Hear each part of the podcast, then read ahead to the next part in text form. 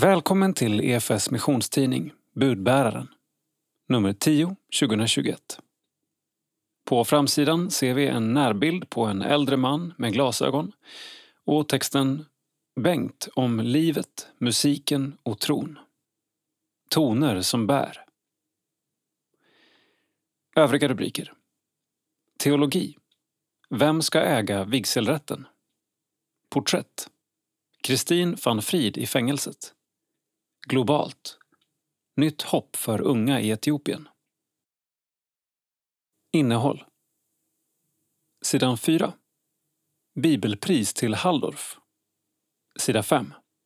Chefredaktören går vidare. Sida 7. Krönika av Kerstin Oderhem. Citat. Det är dags för ett vackert kulturarbete, helt enkelt. Slutcitat. Sida 8. Årskonferens med extra allt. Sida 9. Svenska kyrkan ber samerna om ursäkt. Sida 10. EFS julkampanj vill sprida hopp och frid. Sida 12. Lokalt. Böner och ljus på torget i Kalmar. Sida 14. Hope for Children ger utsatta barn och unga chansen till ett nytt liv. Sida 18. Budbäraren har besökt Bengt Johansson som är aktuell med sitt 21 album. Sida 26. EFS-missionärerna fick en livsavgörande roll i Kristins liv. Sida 34. Teologisk reflektion. Och Jesus föll i gråt. Sida 36. Teologi av Thomas Nygren. Ska kyrkan eller staten äga vigselrätten? Sida 40. Kyrkohistoria. 1910-talet. Tillväxt trots pandemi och krig. Sida 46. Kultur. Recensioner och boktips. Sida 50. Kultur. Kortleken som bygger broar. Sida 53. Kultur. Psalm 190. Sida 55. Info. Nytt och aktuellt inom EFS och SALT. Sida 58. Barn i alla länder. Tips till barngruppen. Sida 60. EFS region Västsverige. Sida 62. EFS region Norrbotten. Sida 65. SALT. Inkörsport till tyngre grejer. Krönika av Rebecka Stighem. Sida 3. Ledare. Ett gemensamt ansvar. Mission är ett långsiktigt åtagande. Varje kristen har en möjlighet att ge vidare av frälsningens gåva men också ett ansvar att bidra på olika sätt utifrån personliga gåvor och förutsättningar. EFS har alltid organiserat sitt missionsengagemang utifrån att det är vi tillsammans som rörelse som har en gemensam kallelse. EFS består naturligtvis av enskilda individer som har olika gåvor och kallelser. Men det är EFS gemensamt som utför det internationella missionsuppdraget. Det innebär också att vi har ett gemensamt ansvar att lyssna in Guds röst och utifrån det formulera strategi och inriktningsbeslut. De senaste årens samtal inom EFS internationella råd och EFS styrelse har lett till att vi successivt går mot att fördela om resurser till förmån för områden med få kristna eller där kyrkan förföljs. Därför befinner vi oss nu i delvis nya uppdrag på platser och i sammanhang där det på olika sätt är riskabelt eller rent av farligt att leva som kristen. Det mesta av detta arbete ligger i nära anslutning till sådant EFS arbetat med under lång tid så det är mer en justering av fokus snarare än något helt nytt. I det gemensamma ansvaret ligger även att se till att det finns tillräckliga resurser, det vill säga givande. Utan ekonomiska resurser kan vi inte etablera oss på nya platser eller utbilda lokala evangelister och präster. För att kunna driva ett långsiktigt missionsarbete behövs därför ett långsiktigt givande, till exempel med hjälp av autogiro. Därför är frågan till dig som medlem och er som missionsförening. Hur kan ni öka givandet så att vi tillsammans i EFS kan ge evangeliets gåva om frälsning och nytt liv i Jesus Kristus till människor som ännu inte upptäckt den gåvan och till församlingar och kyrkor som lever under förtryck och förföljelse? Erik Johansson, internationell missionssekreterare EFS. Sida 4. Kortnytt. Bibelpris till Joel Halldorf. Pristagaren kan tituleras teolog, skribent, författare och professor i kyrkohistoria. Bibelpriset, som delas ut av Sigtunastiftelsen och Bibelsällskapet, instiftades 2004 med anledning av den världsvida bibelsällskapsrörelsens 200-årsjubileum. Priset utdelas årligen till en person verksam inom kultur, forskning, samhällsdebatt eller andaktsliv som i sin gärning bidragit till att göra Bibeln känd och använd. En del av juryns motivering varför 2021 års bibelpris går till den uppskattade teologen Joel Halldorf lyder Alltid dagsaktuell och påläst har han för en bred allmänhet kunnat göra tydligt att den kristna kulturhistorien intimt sammanflätad med Bibeln är en viktig underström om man vill förstå vårt samhälle. Noterbart är också att förra årets bibelpris gick till EFS ordförande Lars-Olof Eriksson. Nu finns hela The Message på svenska. The Message är en bibelöversättning med parafrasens signum som försöker att levandegöra Bibelns språkvärld för den moderna människan. Världen över har den amerikanska pastorn och författaren Eugene Petersons 1932 till 2018 parafras till Bibeln hyllats för sitt lättillgängliga språk. Översättningen tog honom hela 30 år att slutföra. Sedan tidigare fanns Nya testamentet och Saltaren utgivet på svenska. Och nu släpps alltså hela Bibeln på svenska i denna form efter översättning av Felix Larsson och språklig putsning av Maria Store. Jag såg det som min uppgift att föra Bibelns språk som Gud skapar och frälser oss på, helar och välsignar oss på, dömer och styr oss på över språkgränsen till vardagsspråket som vi snackar och roar varandra på, visar vägen och gör affärer på, sjunger och pratar med barnen på, skriver Eugene Peterson i boken.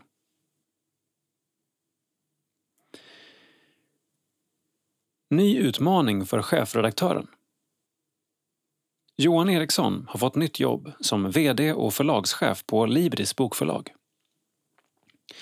Efter dryga sju år som chefredaktör på Budbäraren, insamlingsansvarig och kommunikationschef på EFS går Johan Eriksson vidare till ett nytt uppdrag i arbetslivet.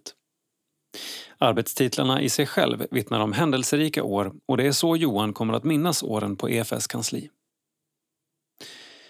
Det är svårt att peka ut några särskilda höjdpunkter men skapandet av budbärarens nya form och innehåll har varit en spännande resa. Det har verkligen varit kul att få höra från så många håll hur uppskattad Budis är. Bland mycket som hänt är jag också glad över att vi fått igång bokutgivningen igen under mina år på EFS, säger han. Just böcker, som passande nog är ett av hans stora intressen, är vad han kommer jobba med framöver då han tillträtt som VD för Libris bokförlag. Detta i samband med att förlaget, som bildades redan 1951, byter ägare. De nygamla ägarna är pingstfria församlingar i samverkan samt Evangeliska Frikyrkan. Det är en stor ära för mig att få jobba för Livris. Det är ett anrikt förlag med fantastiska författare och en mycket fin katalog. De flesta i EFS har nog en bok av Thomas Sjödin hemma till exempel. Min förhoppning är att Libris ska få bli ett ännu bredare och livskraftigare förlag som fortsatt får tjäna både kristenheten och samhället i stort med en ännu större räckvidd. Sidan 7. Krönika. Vackert kulturarbete. Tänk om vi blev en rörelse som var full av positiv återkoppling, skriver Kerstin Oderhem. Jag har nyligen haft anledning att reflektera över kraften i att ge positiv återkoppling, alltså det vi kallar feedback. Jag satt och lyssnade medan en grupp redogjorde för varandra på vilket sätt de var och en ansåg att de andra personerna i gruppen bidrog till det gemensamma arbetet.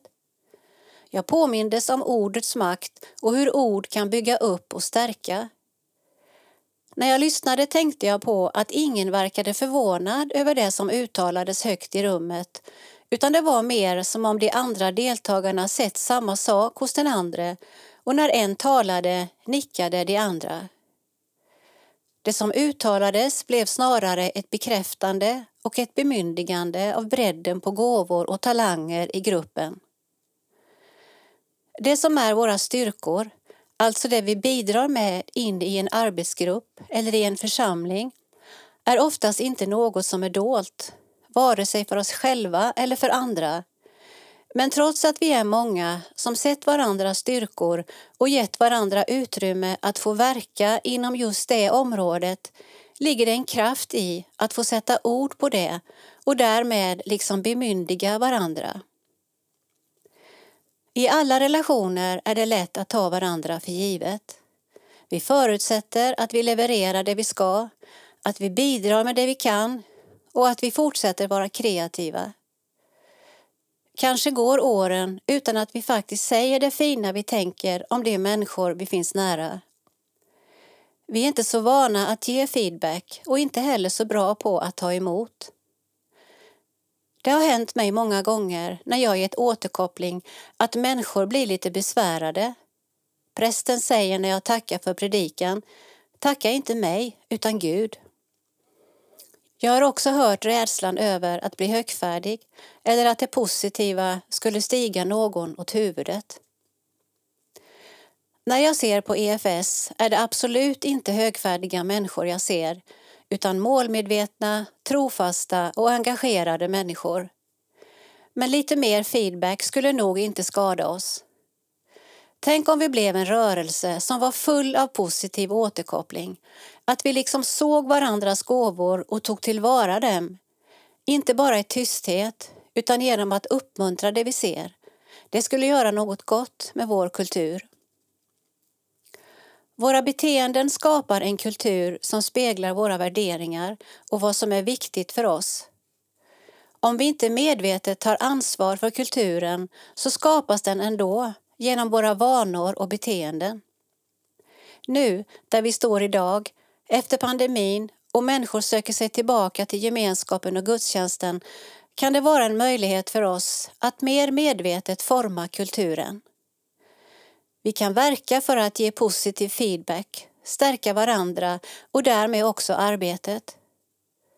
Jag tror att för den som känner sig trött skulle det ge förnyad ork och för den som är ung skulle den bli bemyndigad och för den som är ny skulle den känna sig välkommen. Det är dags för ett vackert kulturarbete helt enkelt. Kerstin Oderhem, missionsföreståndare, EFS. Sidan 8. Nyhet. Kunskapslyftet är ett lyft för samverkan. Att EFS och Svenska kyrkan hör ihop har stått fast sedan EFS bildades. Detta är något som projekt Kunskapslyftet vill påminna om för att belysa de möjligheter som finns genom samverkan. Text Jakob Arvidsson. Bild Rickard L Eriksson. Under 1800-talet drog folkväckelserna fram över Sverige. Flera väckelserörelser uppstod som efterhand blev egna kyrkobildningar och bröt med Svenska kyrkan. EFS har dock troget stått fast vid sin inomkyrkliga profil i över 165 år. En studie av Marie Rosenius med rubriken Samarbetskyrkan, en fråga om eklesiologiskt kapital visar att EFS i mångt och mycket är en stor tillgång för Svenska kyrkan men att en generell kunskapsbrist om detta är ett hinder. Studier som även bekräftas av många lokala erfarenheter visar att det finns en osäkerhet och kunskapsbrist inom Svenska kyrkan om vad EFS är och står för. Därför begränsas även insikten om vilken tillgång EFS kan bli som inomkyrklig väckelserörelse. Detta måste vi till stor del ta ansvar för själva då vi inte alltid tydligt nog definierat vår roll som en inomkyrklig rörelse. Därför har vi ibland uppfattats som en frikyrka. Inom EFS förenas det bästa av båda världar vilket jag betraktar som en stor tillgång. Rent strategiskt ser jag därför våra möjligheter som något unikt i svensk kristenhet, säger Magnus Persson, EFS samverkanssekreterare och inspiratör. I Nationella samarbetsrådet föreslog Magnus en konkret uppföljning av Rosenius studie vilket ledde till projekt Kunskapslyftet. Frukten av projektets sju steg kommer bland annat bli ett magasin som går som bilaga i kyrkliga tidningar samt en informationsfilm som båda ger en bättre förståelse av samverkansmöjligheterna. Först gäller det att vi förstår vår grundläggande samhörighet. Vi delar bekännelseskrifter, vigningstjänst och har ett avtal som tydligt säger att Svenska kyrkan betraktar all EFS verksamhet som sin egen och EFS i sin tur betraktar Svenska kyrkan som sin kyrka, säger han och fortsätter. Med samhörigheten som grund kan vi börja det goda samtalet som i många fall kan leda till någon form av konkret samverkan. Kunskapslyftet blir ett fantastiskt tillfälle att lyfta fram dessa möjligheter. Satsningen kommer även i ett läge när vår kyrka brottas med olika utmaningar och behöver finna vägar till större lekmannaengagemang, fördjupning i tron och förnyelse i uppdraget. Under året som gått har Magnus rest runt i hela Sverige för att samla på sig material. Han är nu mycket förväntansfull inför releasen av magasinet och filmen i slutet av november. Framtiden kring det här är väldigt spännande. Många arbetslag och kyrkoherdar jag mött står med både behov och visioner i sina sammanhang som EFS ofta kan svara upp emot. Till exempel att få igång verksamhet byggd på ideella krafter som inte splittrar kyrkan utan tvärtom ryms inom kyrkans rymliga valv. I dagsläget finns ett 40-tal samarbetskyrkor och cirka 100 samverkansavtal. Magnus understryker dock att samverkan kan se ut på många olika sätt utifrån lokala behov och förutsättningar. Det innebär inte att all verksamhet ska samordnas och likriktas men grundläggande bör samhörigheten medvetandegöras, samråd eftersträvas och möjlighet till någon form av samverkan undersökas. Vår gemensamma överenskommelse och avtal om full andlig enhet och solidaritet är förpliktigande för båda parter det är därför naturligt att i varje församling såväl som missionsförening ställa frågan vad man kan göra för att samverka med varandra allt för att fullgöra vår gemensamma missionsuppgift på ett bättre sätt än vi kan var för sig. Sida 12. Globalt. Det handlar om liv och död kritiskt läge för den underjordiska kyrkan i Afghanistan. Text Dagmawit Alamayeu, bild TT. Den 15 augusti stormade talibanerna i Afghanistan in i presidentpalatset i Kabul och har sedan dess haft kontroll över stora delar av landet. Den redan utsatta, förföljda underjordiska kyrkan lever nu i livsfara. Det vittnar den internationella missionsorganisationen Open Doors om. Det handlar om liv och död i detta skede. Många som inte fick plats med evakueringsflygen försöker fly till grannländer. Man har stängts in i ett land som kommer styras av en islamistisk regim. Det råder en stor oro över vart situationen kommer ta vägen. Säger Open Doors generalsekreterare Peter Paulsson som har varit i kontakt med den lokala underjordiska kyrkan i Afghanistan. En frihetens dag för talibanerna en mardröm för stora delar av befolkningen. Efter att Afghanistans president Ashraf Ghani lämnade landet 15 augusti och efter att utländska styrkor med USA i spetsen evakuerade landet har talibanernas framfart varit uppenbar. Talibanerna går från hus till hus och söker systematiskt efter människor som har hjälpt de utländska trupperna. Vi vet att dessa har dödats. De kristna befarar att de står näst på tur. Över hälften av Afghanistans befolkning är under 25 år och har ingen erfarenhet av att leva under talibanernas styre. trots att landet hamnat på plats två på Open Doors World Watch List över världens mest förföljda länder och att läget var kritiskt i synnerhet för den kristna befolkningen gav den utländska närvaron en viss förhoppning om att det skulle bli bättre, förklarar Paulsson. När den nu lyser med sin frånvaro har kristna i landet vittnat om att de känner sig utlämnade och att de är besvikna. Man upplever att Gud är deras enda räddning. Paulsson menar att framtiden är högst osäker. Att talibanerna kommer att tillämpa sharia-lagar är det ingen tvekan om, men hur det kommer att te sig vet ingen än. Det finns kristna i landet som inte kan fly. Sedan finns det kristna som har valt att stanna för att de känner sig kallade att vara Guds ljus och salt mitt i förföljelsen. Många har upplevt Guds närvaro på ett konkret sätt, säger Paulsson och berättar om fyra hjälparbetares mirakel som han har fått berättat för sig av en tillförlitlig källa. De satt fast i Kabul och visste inte hur de skulle ta sig ut. Amerikanska styrkor hade avrått dem från att ta sig till flygplatsen. De bad Gud om hjälp och begav sig ändå mot flygplatsen. Vid den första av många checkpoints möttes de av en taliban. Han frågade hur han kunde hjälpa dem. Sedan eskorterade han dem till flygplatsen. De trodde att det var en ängel i skepnad av en taliban. Det var ett bönesvar. Och just bönen är avgörande, betonar han. Afghanistan har varit i fokus i media under ett par veckor. Efter evakueringen minskade bevakningen och med tiden kommer den enligt Paulsson att minska ytterligare. Vi som kristenhet behöver kliva fram och kroka arm med våra trossyskon, framförallt i bön. Min uppmaning är att inte släppa fokus utan låta Afghanistan bli ett fortsatt böneämne i våra kristna sammankomster. Situationen i Afghanistan. Knappt 20 år efter den USA-ledda interventionen har nu stormakten lämnat landet. Under de senaste månaderna har talibanerna tagit kontroll över viktiga städer, däribland huvudstaden Kabul. År 2021 hamnade Afghanistan näst högst på Open Doors World Watch List av länder där förföljelsen av kristna är som värst. Enligt FNs flyktingorgan kan uppemot en halv miljon afghaner komma att fly landet den närmaste tiden. Sida 16.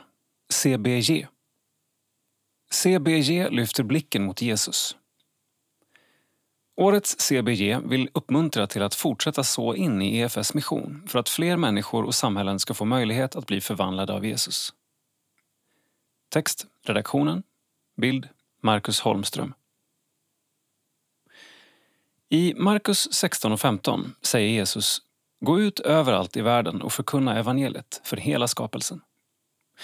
I en tid när världens utmaningar tycks nästan oöverstigliga vill årets CBG fokusera på kärnan i EFS vision. Det är Jesus som förvandlar och ger hopp.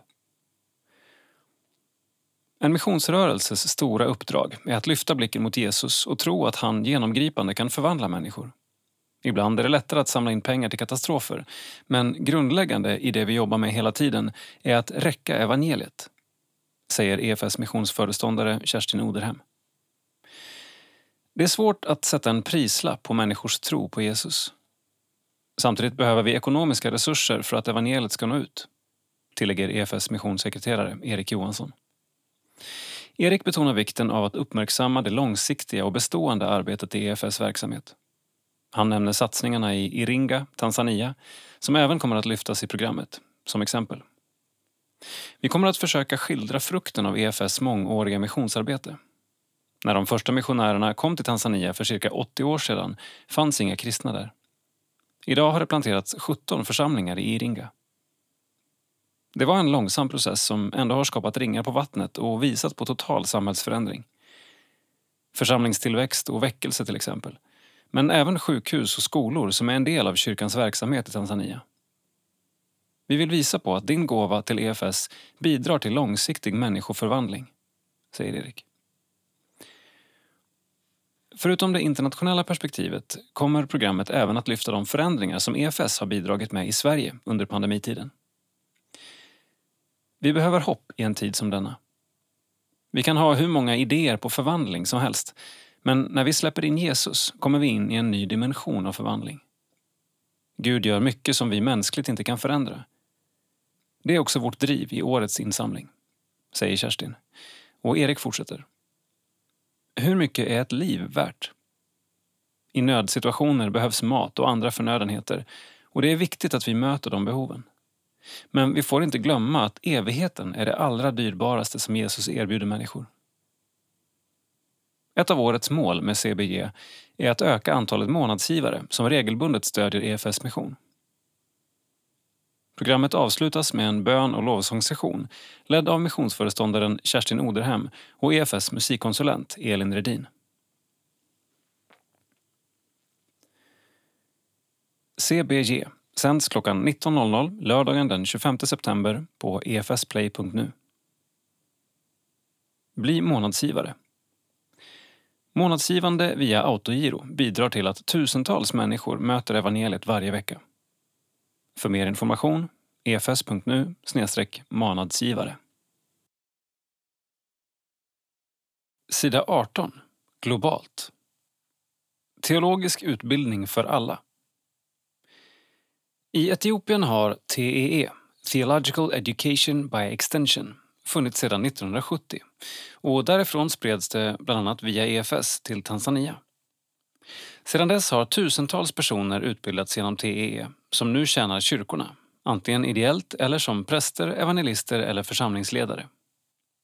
Vi har bett Rune Persson presentera vad TEE är mer exakt. TEEs fyra grundpelare. Bibelskola. Förklarar Bibeln enkelt på ett sätt så att folk förstår och kan använda Bibeln. Gör människor till aktiva läsare av Bibeln. Lärjungaskola. Låter människor möta Jesus, bli hans efterföljare och växa i tron. Detta är det primära syftet med TEE.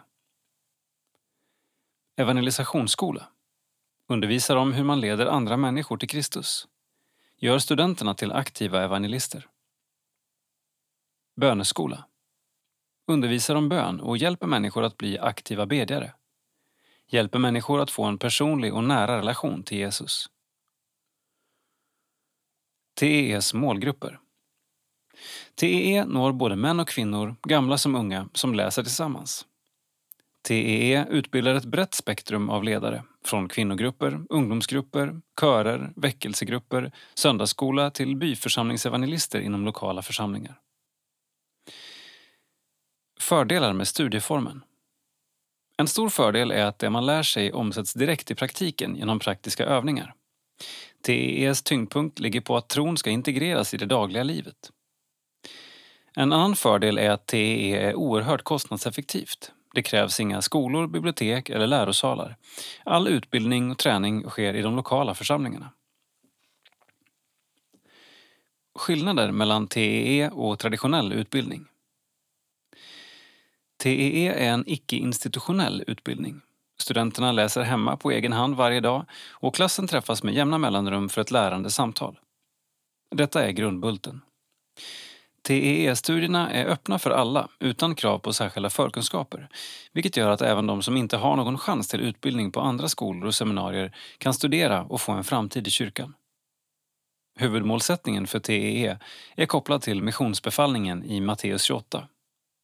Eleverna ska själva få möta Jesus för att sedan bli lärjungar och efterföljare. Årets CBG föregående uppslag, samlar bland annat in pengar till TEE-arbetet. Utrustar lekmän för ett liv i tjänst. Verkenesh Gashe är en av många som anställts som evangelist tack vare TEE, lekmannautbildningen som fortsätter att rusta människor till tjänst i Guds rike. Text och bild Dagmar Witt Alamayeu. Budbäraren träffar Verkenesh Gashe, 44 år, på Mekane Jesus-seminariet i Mekanissa i Addis Abeba.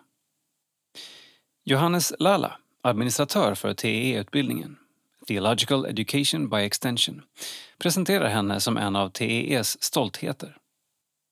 Verkenesh kommer precis från biblioteket där hon har studerat pietism, en del av hennes masterprogram i teologi. Hon ler stort och säger att det ligger på hennes hjärta att dela sitt vittnesbörd som hon menar är en hommage till utbildningen som räddade hennes liv. Jag är en människa tack vare TEE. Alla på TEE som är inblandade i min framgångssaga har betalat ett högt pris för mig. TEE kom till mig under en tid då jag inte hade möjlighet att ta mig till skolan, säger hon. Verkenesh kommer från Kambata i den sydcentrala delen av Etiopien och föddes in i en kristen familj. Efter att ha gift sig och fött barn tidigt i livet bleknade drömmarna om en teologisk utbildning. Detta tills TEE kom och knackade på dörren. Ganska bokstavligt talat. Hosanna Mekane Jesus-kyrkan i den sydcentrala synoden skulle starta en bibelstudiegrupp och letade kandidater. Gashe kvalade in efter att ha klarat ett antagningsprov. Det var underbart, trots att jag kände mig underkvalificerad i sammanhanget. Det blev ett mirakel i sig för mig att jag klarade av studierna. Gruppen bestod av högskolelärare och avlönade arbetare. Vissa var statligt anställda och andra arbetade för en icke vinstdrivande verksamhet. Så ser också de flesta grupperna ut i landet, fyller Johannes Lalla i. Tanken med utbildningen är att deltagarna ska kunna fortsätta med sina vanliga jobb under studietiden. Idag finns det cirka 103 studiegrupper fördelade i Mekanesuskyrkans 50 synoder. Många av eleverna som studerar på TE har inte råd att betala för dyra bibelskolor eller teologiska fakulteter. Tack vare ekonomiskt stöd från EFS är TEEs skolavgift kraftigt subventionerad. Gashi, som vid det här laget inte hade någon lön, fick ekonomiskt stöd av en finsk präst, berättar hon. Jag gick ut ett femårigt program på TEE med bra betyg och fick möjlighet att studera teologi på Mekaniesus-seminariet i Addis, säger Gashi.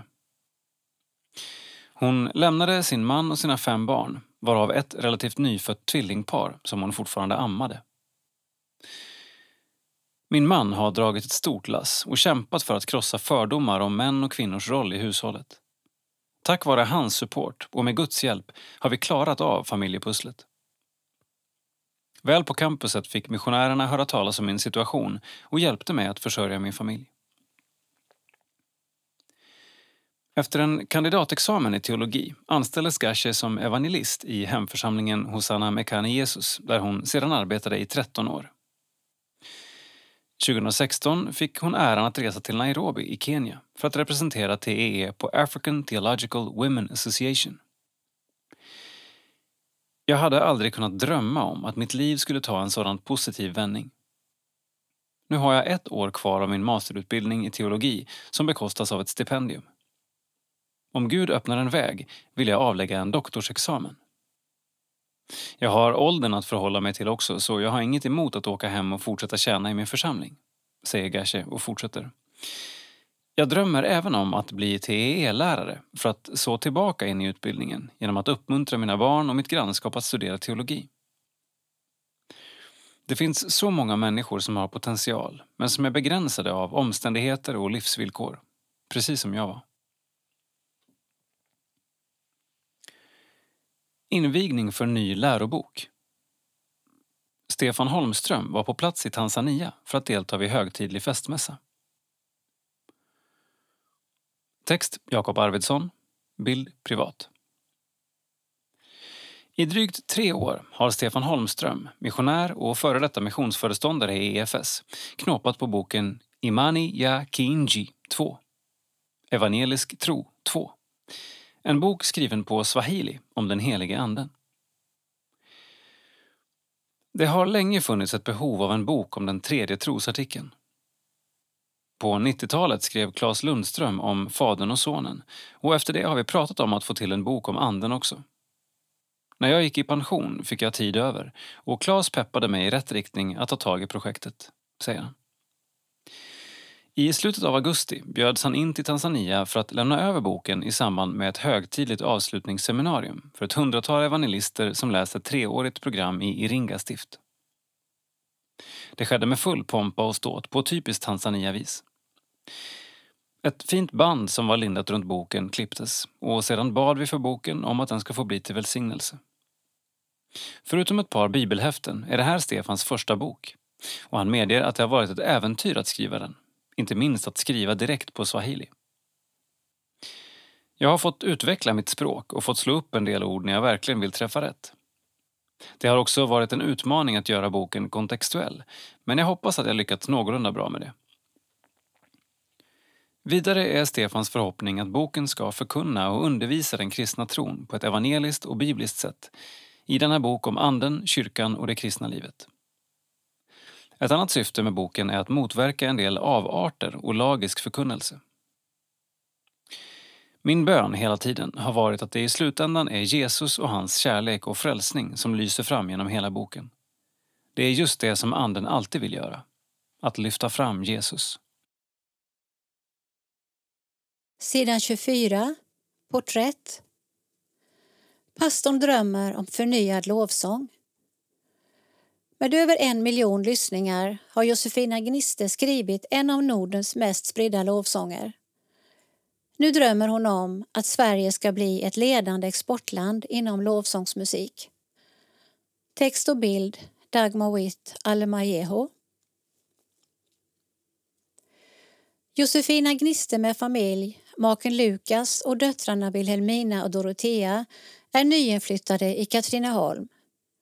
Här har de lett stans pingstkyrka som pastorer i ett och ett halvt år. Vi träffar Josefina på det charmiga kaféet Fotografens och sätter oss på den hemtrevliga övervåningen. Hon bär en färgglad orangemönstrad overall som matchar den lekfulla inredningen. Jag har en förkärlek för retroinredning.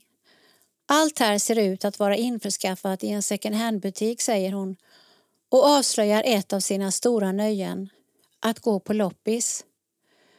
Något som hon även nämner i sin podd Fika med Gniste. Här bjuder hon in gäster och samtalar om livet, församlingen och familjen. Och självklart om lovsången. Allt sedan det första lovsångsalbumet Möt oss här släpptes år 2016 har Josefina blivit en frontfigur för den svenska lovsången. Min musik fick ett stort genomslag och har det fortfarande. Det har visat mig att Gud kan göra precis vad han vill med det lilla vi har. En av de första sångerna som jag skrev, Din trofasthet, är fortfarande en av mina mest spridda låtar, säger hon och fortsätter. När jag jobbade med min första skiva upplevde jag en stark passion att förmedla något till kyrkan i Sverige. Jag kände att vi hade hamnat på en konstig plats där vi pratade om oväsentliga saker som musiksmak och uttryckssätt istället för att fokusera på den viktiga frågan Varför lovsjunger vi? Svaret på frågan har lett henne som ett signum genom livet.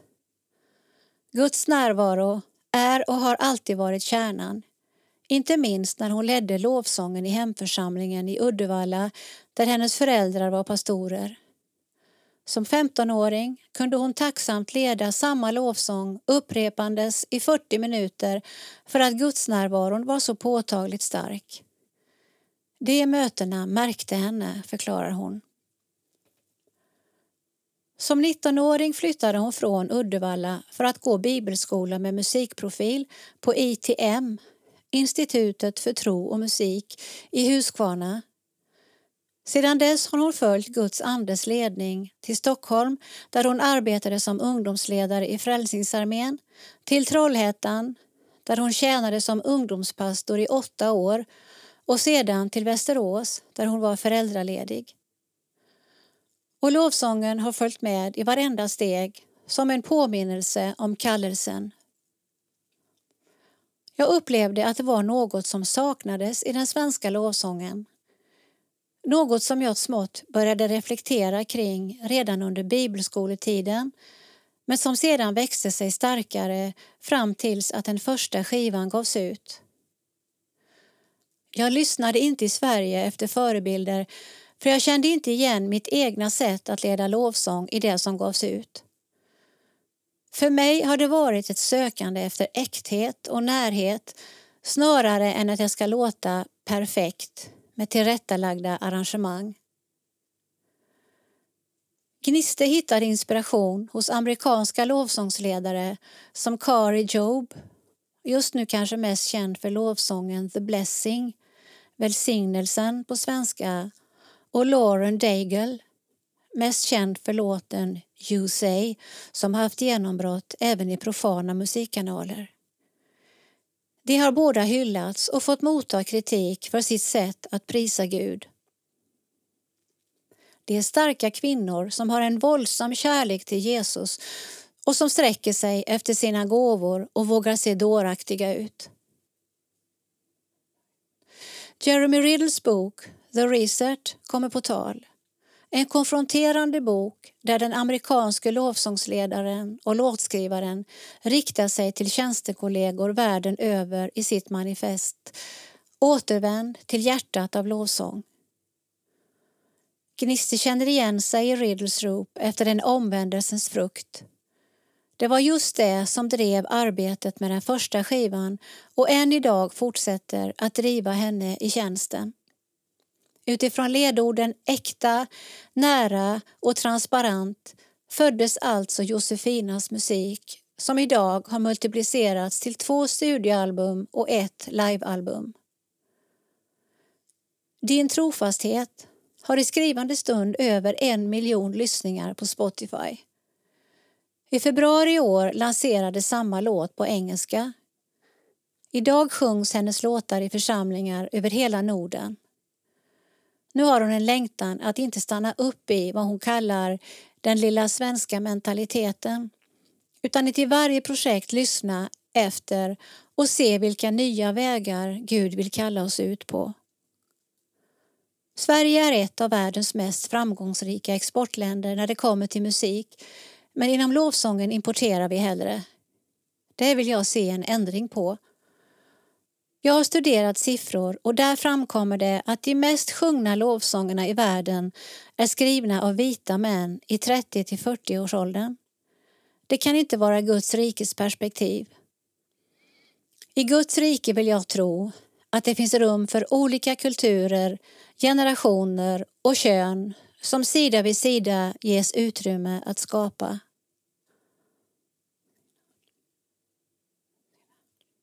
Hon nämner låten Waymaker som ett tydligt exempel. Den är skriven av nigerianska Sinach som är lovsångsledare i Christ Embassy. Låten släpptes så tidigt som år 2015 men först när amerikanske lovsångsledaren Michael W. Smith och bandet Leland släppte populära versioner av låten år 2019 fick den spridning utanför Christ Embassys globala sammanhang. När lovsången är som bäst har den en enande kraft. Därför har det varit så tungt att se att den i vissa sammanhang har haft en splittrande effekt. Jag upplever att min kallelse som lovsångsledare är att samla. Det har varit min stora glädje, men också min stora sorg.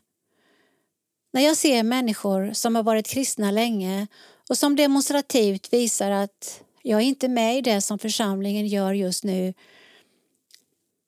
kan jag faktiskt bli besviken. Det blir som att sätta sig emot det som Gud gör i rummet. Det blir tydligt att det är hederhjärtat i henne som pulserar för församlingsgemenskapen.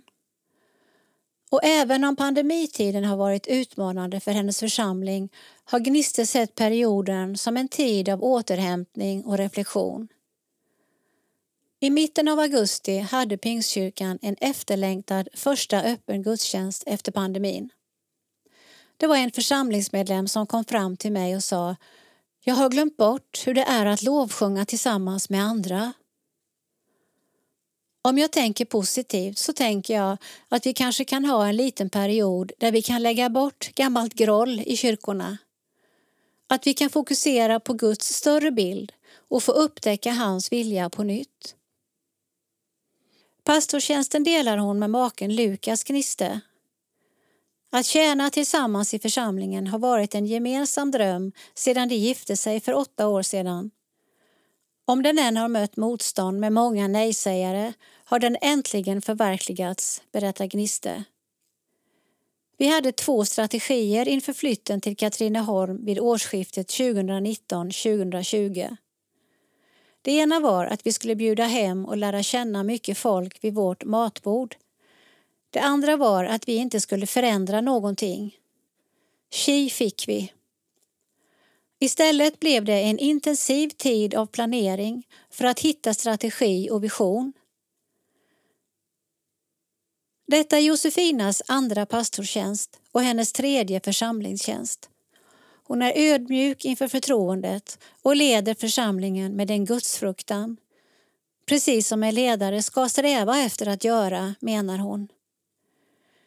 De kommande veckorna ska församlingen tillsammans gå igenom en sex veckors serie av predikningar där några av Gnistes favoritfrågor besvaras Varför? Varför lovsjunger vi? Varför ber vi? Varför predikar vi? Jag läste i en bok att predikningarna ska vara profetiska i vad Gud vill säga till församlingen. Om en predikant inte vågar säga det som ligger på hjärtat för att denne vill stryka människor medhårs så förloras udden i predikan. Man kan leda utifrån att man söker en respons men det är inte människors respons vi ska söka utan Guds närvaro. Jag uppmuntrar predikanter att hålla sig trogna till det Gud har lagt på deras hjärtan. I respekt, kärlek och i rätt tid. Gniste hyllar sina föräldrar flera gånger under samtalets gång. Mestadels för föredömet som de har varit i ledarskap men också för de lokalpatrioterna som de var och är. De kände sig kallade i Uddevalla och där skulle de ge sina liv. Den längtan ser Gniste nu i sitt eget liv med sin egen församling. Och än större har längtan blivit i och med att hon blev mamma. Att inkludera och få med alla generationer. Att samla. En av hennes gåvor är just att se och dra fram potentialen hos andra människor.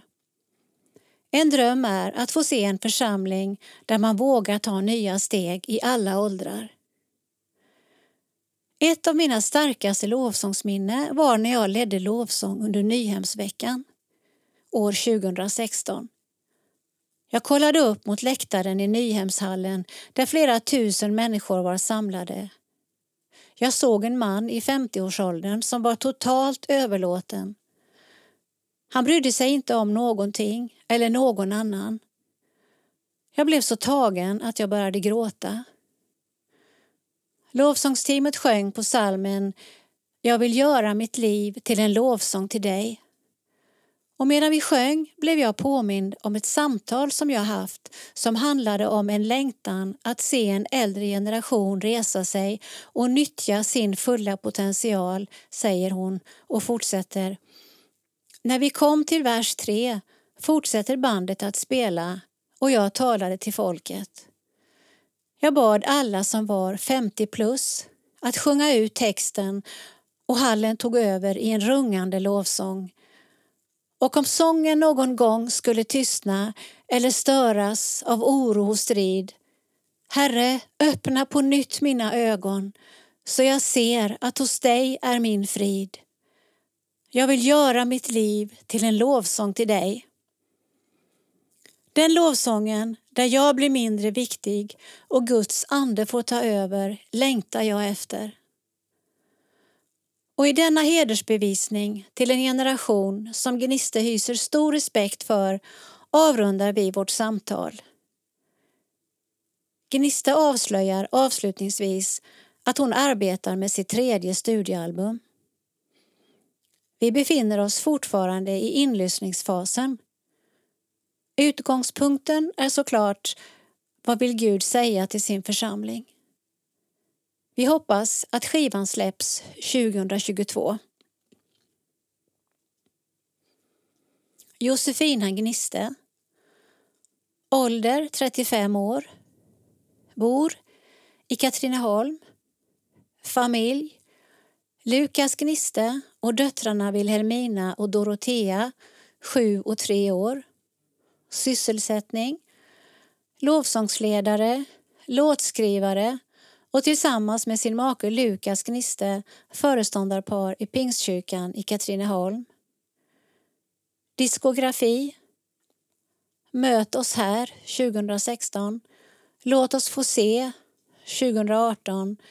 Josefina Gniste live 2020. Hobby. Att fynda på loppis och second hand. Drömmer om en stark gudsnärvaro i sitt eget liv och i församlingen. Sidan 32. Lokalt. De eviga trotjänarna. I flera år var trotjänarna Lennart och Maj-Britt Persson ensamma medlemmar i EFS Delsbo. Att lägga ner var dock aldrig något alternativ och nu har de växt till 14 medlemmar. Text och bild Jakob Arvidsson. När jag kliver av bussen i Delsbo möts jag av två matbutiker mitt emot varandra. Jag går in på den ena för att skaffa lite energi inför dagens intervju. Lennart Persson möter upp mig på parkeringen och väl i hans bil blir min första fråga Var handlar ni då? På Hemköp.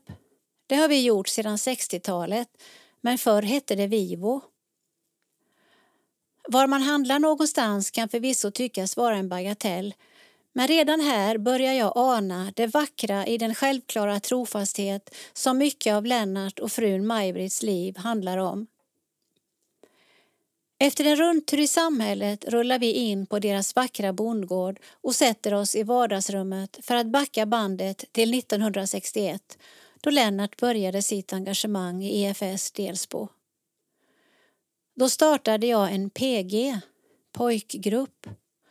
Under de här åren hade föreningen en omfattande barn och ungdomsverksamhet. Det var inspirerande och gav också andligt resultat, säger Lennart som året efter gick med i EFS-föreningens styrelse, blott 17 år gammal. Efter det har hela livet fortsatt med olika typer av engagemang och roller inom EFS för Lennart, både som anställd av distriktet och som frivillig. Men den största delen av yrkeslivet, 27 år, har han drivit ett jordbruk som en av sönerna nu tagit över. Just att man tidigt fick ta ansvar och vara med och hjälpa till är en stor anledning till att jag blivit trogen EFS hela livet, konstaterar han. 1965 träffade han frun Maj-Britt, ursprungligen från Docksta, Höga Kusten, cirka tre mil söder om Örnsköldsvik, på Hollands folkhögskola numera Åredalen folkhögskola, där de båda studerade. De gifte sig 1969 och har tillsammans varit navet kring verksamheten i det fina bönhuset beläget ett stenkast från Delsbo forngård. Gudstjänster firar de ihop med Svenska kyrkan, oftast i kyrkan men några gånger per år i bönhuset. Höjdpunkten på året är den stora missionsaktionen och sedan några år tillbaka även julottan. Bönhuset betyder en hel del och hör till bygden på ett självklart sätt. På våra missionsaktioner där vi säljer exempelvis handarbeten, bröd och kvastar har det kommit väldigt mycket folk. Det är en enkel familjär stämning där och dess väggar är inbädda. Många har en historisk koppling till bönhuset i sin släkt, säger Maj-Britt. Att EFS Delsbo finns kvar än idag hade inte varit möjligt utan Lennart och Maj-Britt. Föreningen minskade hela tiden under 1980 och 1990-talet och 1998 dog den äldre damen som var den tredje medlemmen förutom paret Persson. Då hade vi sporadisk verksamhet där syföreningen var stommen och vi fortsatte betala försäkringen och lysräkningen och försökte ta hand om bönhuset så gott det gick, säger Lennart. Men det blev till slut ohållbart att stå kvar som ägare av bönhuset. Så det såldes 1999 till Hembygdsföreningen för 75 000 kronor. Vi sålde med villkoret att vi som EFS fick fortsätta nyttja det vid behov och så är det än idag. Det blev bra för båda parter, säger Lennart. Efter att ha varit ensamma medlemmar i fem år kom så 2005 det man på modernt språk skulle kalla för en medlemsboom. Detta genom att Maj-Britt lyckades värva över några från syföreningen som hon lett sedan 80-talet till att även bli medlemmar i EFS. Vi blev snabbt runt tio personer som sydde för missionen. Vi samlades i hemmen och det har vi fortsatt med. Det ligger ju nära EFS grundtanke att även ses i hemmen så det känns fint.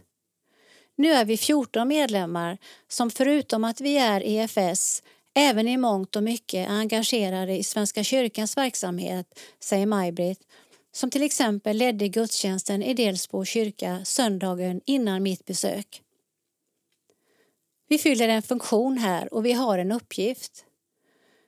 När vi har gudstjänst i bönhuset tillsammans med kyrkan kommer det mer folk än vanligt och om kollekten går till EFS får vi alltid en bra kollekt. Det är fascinerande att folk uppskattar att vi finns och har förtroende för det vi gör, säger Lennart. Coronatiden har varit speciell för oss alla, så även i Delsbo EFS där verksamheten har fått pausas. Omsorgen om varandra har däremot bestått. Som EFS-are kan jag känna att det ingår någon typ av diakonal ödmjukhet till medmänniskan. Maj-Britt till exempel har ringt flera hundra samtal under det senaste året bara för att kolla hur folk mår, säger Lennart. Andra gör andra saker och att bry mig om andra har nog blivit min grej. Jag kan få ingivelser som liksom inte släpper. Det är nog Gud som ger mig dem. Nu var det länge sedan du hörde av den, eller jag kanske borde ringa till den, säger Maj-Britt och fortsätter. Det hände för ett tag sedan att jag åkte hem till en kvinna och plingade på spontant. Och då sa hon Här sitter jag alldeles ensam och tycker att ingen bryr sig om mig och här kommer du. Så nog tror jag att det är Gud som använder oss för att visa sin omsorg. Hur framtiden blir för Delsbo EFS återstår att se. Under hösten hoppas föreningen att i alla fall kunna starta upp verksamheten igen efter den ofrivilliga paus som pandemin medfört. Nu har vi ju inte haft någon aktion och inte fått in pengar men vi har kapital kvar sedan vi sålde bönhuset. Vi sa en dag att när de pengarna är slut lägger vi ner föreningen, säger Lennart. Sa vi det? I så fall kan vi ju köra många år till med tanke på hur sparsamma vi är, fyller Maj-Britt i med ett skratt. Bland föreningens medlemmar är alla utom tre pensionärer. Vårt samhälle blir dessutom mer och mer centraliserat vilket också utmanar EFS Delsbos framtid. Det är en naturlig del i utvecklingen och det får vi ta. Å andra sidan kan vi göra det vi kan så länge vi har orken uppe. Och vi hoppas att det betyder något för dem som vi når, säger Lennart. Innan dagens slut får jag en rundvandring på bondgården där det finns uppgifter på att Lennarts släkt verkat sedan 1560-talet. Kanske är det så att trofastheten är ett släktdrag. Annars är det med eftersmaken i det enkla bor det vackra, citat Ernst Kirchsteiger, som jag lämnar Delsbo denna höstdag. Lennart och Maj-Britt Persson. Ålder 77 och 74 år. Bor Västeräng, Delsbo. Familj. Sex utflyttade barn och 14 barnbarn. Ett änglabarnbarn. Intressen Lennart. Djur och natur. Friluftsliv. Foto. Maj-Britt. Röra på mig. Sjunga. Läsa. Drömmer om att människor ska bli berörda av Gud och komma till tro. Bibelord Jesaja 43, 1-5 och Romarbrevet 5, 5-8. Sidan 38. Teologisk reflektion. Förvaltarskap utan självupptagenhet. Hur förvaltar jag en gåva utan att bli självupptagen? Kristoffer Abrahamsson försöker ge ett svar på frågan och talar om hur vi kan ta steg mot att leva självutgivande. Text Kristoffer Abrahamsson Illustration Benjamin Kruse Kallelsen för alla människor är att bli lika Jesus Kristus. Kristna har genom olika tider lyft upp denna kallelse och satt olika ord på den. Ett exempel är 1500-talsteologen Ignatius av Loyola som hävdade att människans främsta mål med livet är att lovprisa Gud. Genom att göra det blir vi de Gud skapat oss för att vara. Ignatius skriver att människan kan omfamna allt det som hjälper henne att nå detta mål medan hon behöver avfärda sådant som leder henne åt ett annat håll. Med hjälp av denna vägledning finner vi kanske en väg framåt när det gäller talet om hur vi ska förvalta våra gåvor. Det finns nämligen en risk att vi främst använder våra gåvor för att bli sedda och bekräftade, vilket gör oss självupptagna. Men vi kan också förvalta gåvor på ett sätt som stärker vår omgivning, vilket gör att vi förenas med den gudomliga kärleken som är självutgivande. Det avgörande är kanske inte vad vi gör med gåvan utan snarare vad gåvan gör med oss. Exempelvis kan gåvan att predika förvaltas på ett sätt som hjälper människor att ta steg mot en djupare relation med Jesus. Samtidigt finns det en risk för alla predikanter att predikstolen blir platsen där jag blir mer intresserad av att få människors beundran än att tala Guds ord. Då äger gåvan mig på ett sätt som leder mig bort från Gud. Hur vet jag när jag är självupptagen? Och vilka kännetecken går det att se när jag lever förenad med den självutgivande kärleken? Genom att ställa dessa frågor får jag hjälp att reflektera vidare. 1. Hur reagerar jag på kritik? När jag blivit min gåva tål jag inte längre kritik. Var gång någon kritiserar något jag gjort blir det ett angrepp på mig eftersom jag är ett med min gåva. När distans har skapats till de gåvor och det förtroendeuppdrag jag förvaltar behöver jag inte försvara mig själv då min djupaste identitet är att jag tillhör Gud. Identiteten är inte i gåvan eller mandatet utan i Jesus. Kritik kan då snarare fördjupa min självkännedom. Genom andras ord kan jag bli uppmärksam på sådant som jag själv varit blind för. 2. Vad händer med omgivningen i mötet med mig? De gåvor vi förvaltar handlar mindre om oss och mer om vad som sker hos omgivningen. Kriteriet när vi bedömer om en person är lyckad i sin tjänst bygger inte på sådant som vi ofta använder som måttstock, yttre framgång. Nej, Jesus hänvisar oss till att se på vad som händer med omgivningen. Matteus 7, 15 och framåt. Det är eftersmaken hos dem som möter mig som bekräftar om jag är ett vittne för den självutgivande kärleken.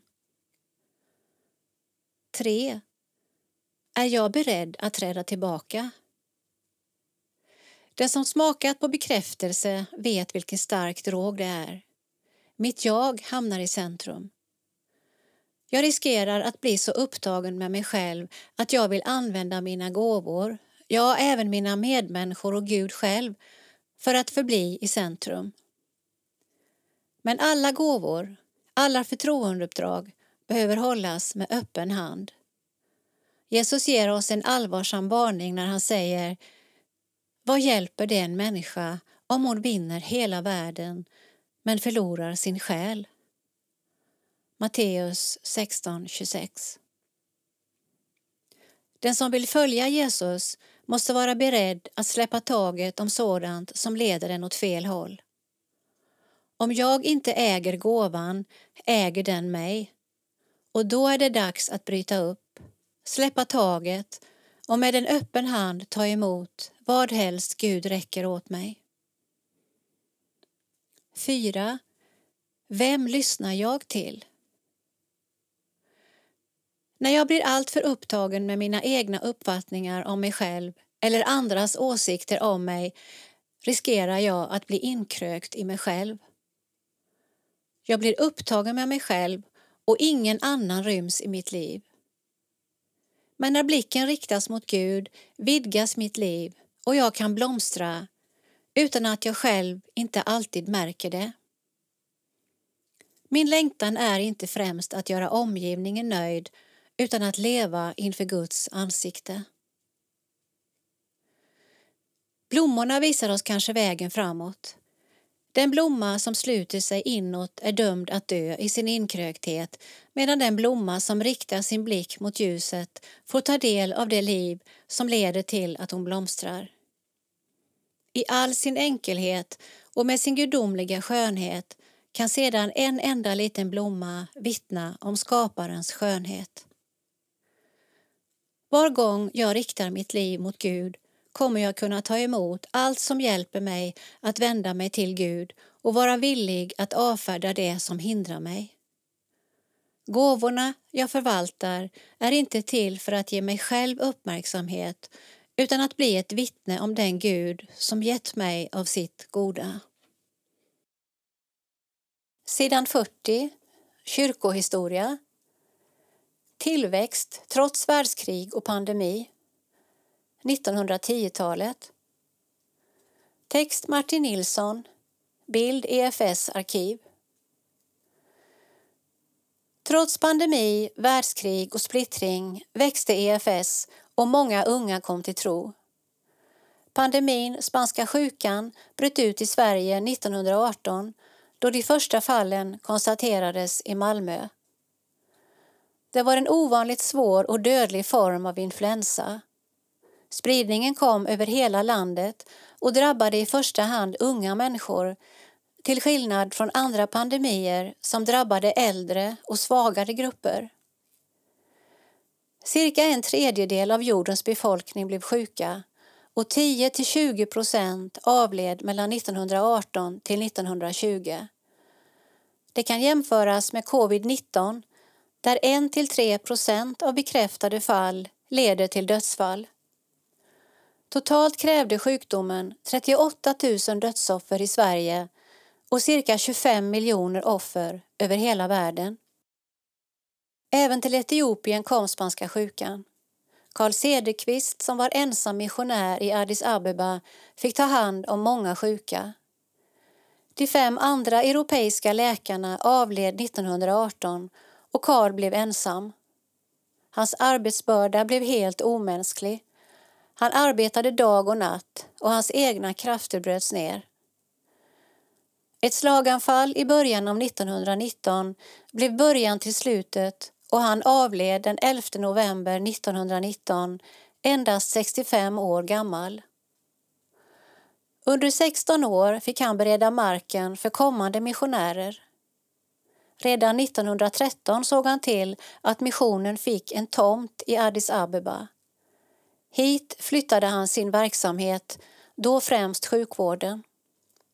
1914 behandlade han över 6 000 patienter. I Eritrea såg man en framgång för det evangeliska arbetet när hövdingen i byn Oganna, Adam Billa, döptes den 20 februari 1910. I Oganna hade missionären C.J. Karlsson arbetat och hövdingens mor hade skött mathållningen åt denne första EFS-missionär i Kunama. 1911 döptes ytterligare tre vuxna kunamar. I Kunama avgjorde sig först de äldre för Kristus och de unga följde efter. I andra områden i Eritrea var det tvärtom. Genombrottet för evangelisk tro gjorde att även skolan fick en framgång. 1914 utbryter en väckelse bland skolungdomarna i Kuluko och församlingen fick flera nya medlemmar. Sommaren 1914 bröt första världskriget ut och det berörde praktiskt hela världen. Missionärerna i Indien blev avskurna från information. Sjuka kunde inte åka hem och inga nya komma ut. I Eritrea styrde italienarna. Men sedan de bytt sida i kriget uppstod misstänksamhet mot svenskarna. Posten censurerades, inga predikoresor eller sjukbesök tilläts. 1916 firade man i Sverige 50 år av mission i Ostafrika men i Eritrea kunde man inte fira. Endast gudstjänster på de enskilda missionsstationerna var tillåtna. Men året efter kom lättnader i samband med den nya guvernören G. D. Martini. Han uttalade ett öppet förtroende för missionen och gav order om att skolorna skulle öppnas och utökas. Även en flickskola kunde startas. Men glädjen blev kortvarig. Han byttes ut och restriktionerna kom åter. 1916 kallades missionsläkaren De Pertis till tjänstgöring vid fronten och det drabbade då sjukvårdsarbetet. 1919 prästvigdes fyra evangelister och lärare. I Jubaland, parentes Somalia, fick missionärerna fortsätta arbetet utan större störningar. 1916 behandlades cirka 1000 patienter. Det var dock svårt att nå ut med evangeliet. Få kom till gudstjänsterna. I Indien prästvigdes Wenkert Swami som den första i kyrkan. I Sagar hade både snickeriverksamheten och kvinnohemmet fullt arbete. Kvinnorna skänkte en spetssjal till drottning Victoria som i gengäld gav kvinnohemmet en väggklocka.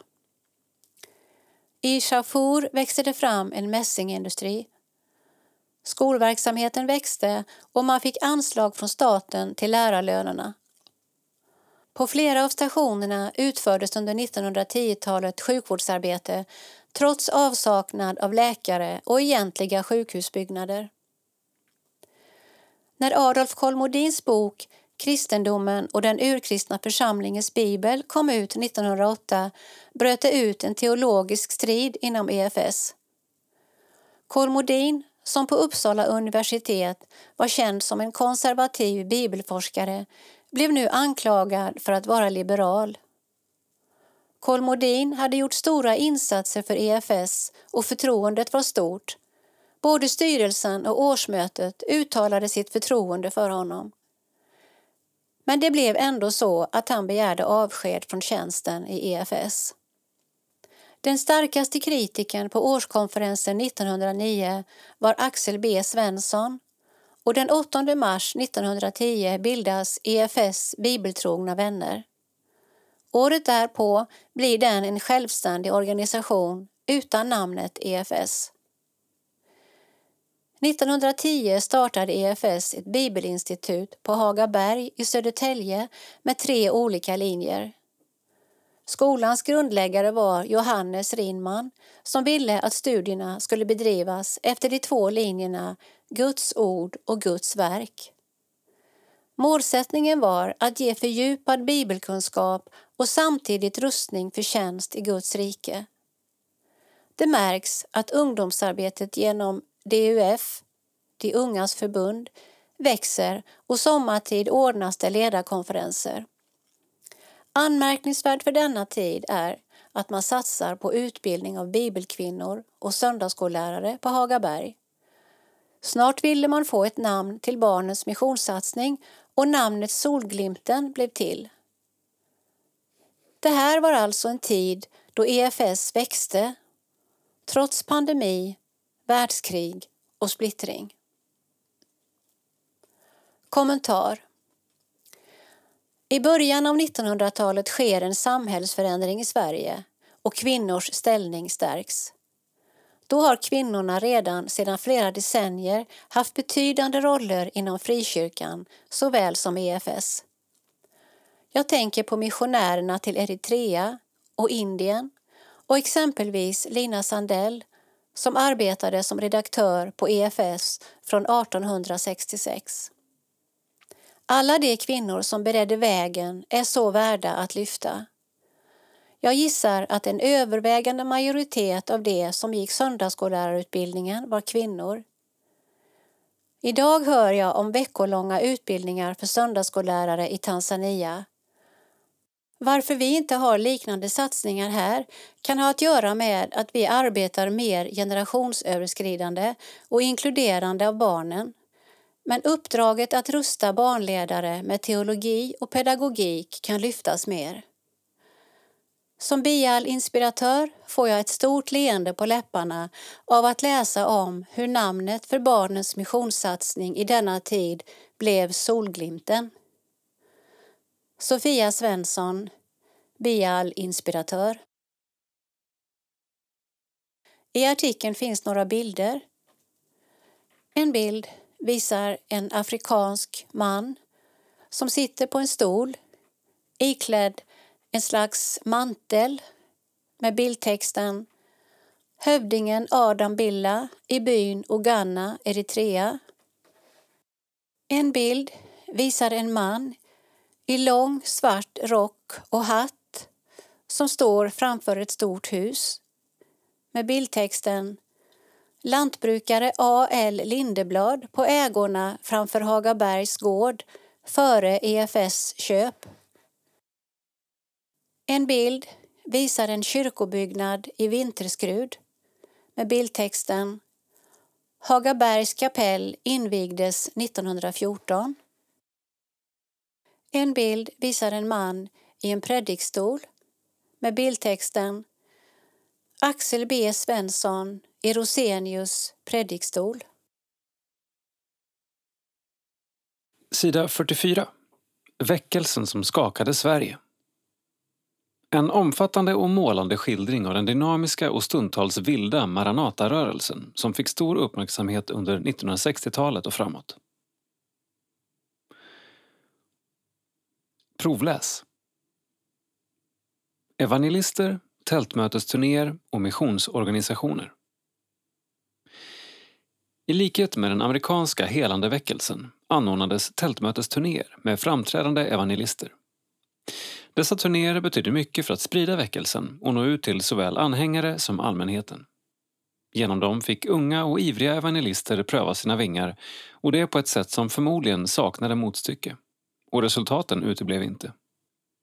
Tälten fylldes, var än i landet de sattes upp. Av troende, men också av hundratals icke-troende. Omvändelser, helbrägdagörelser, andedopsupplevelser och dop följde tältmötesserierna. Björne Eriksson har betonat det dynamiska klimat som Maranata erbjöd evangelister. Frihetsförkunnelsen blåste fram många originella förkunnare. Det fanns många original bland Maranata-evangelisterna, i god mening. Profilerade och skarpskurna. Många unga, både bröder och systrar, som växte väldigt mycket på kort tid. De hade en så utsatt position och måste många gånger axla ett kanske för stort ansvar. Men det gjorde att de mognade och växte. Det var verkligen ett dynamiskt klimat. De formades i motvinden. När allt går väl och man möts av idel välvilja är det lätt att man blir slätstruken. Budskapet om Jesu återkomst var centralt i evangelisternas förkunnelse. Utgångspunkten var att kristenheten och världen levde i den yttersta tiden och att detta var den sista väckelsen innan Jesu återkomst. Ofta förekommande favorittexter i predikningarna hämtades från Nya testamentet såsom Matteusevangeliet 25 och 1-13, liknelsen om de tio jungfrurna som går ut för att möta brudgummen och Lukasevangeliet 14 och 15-24, den stora festmåltiden.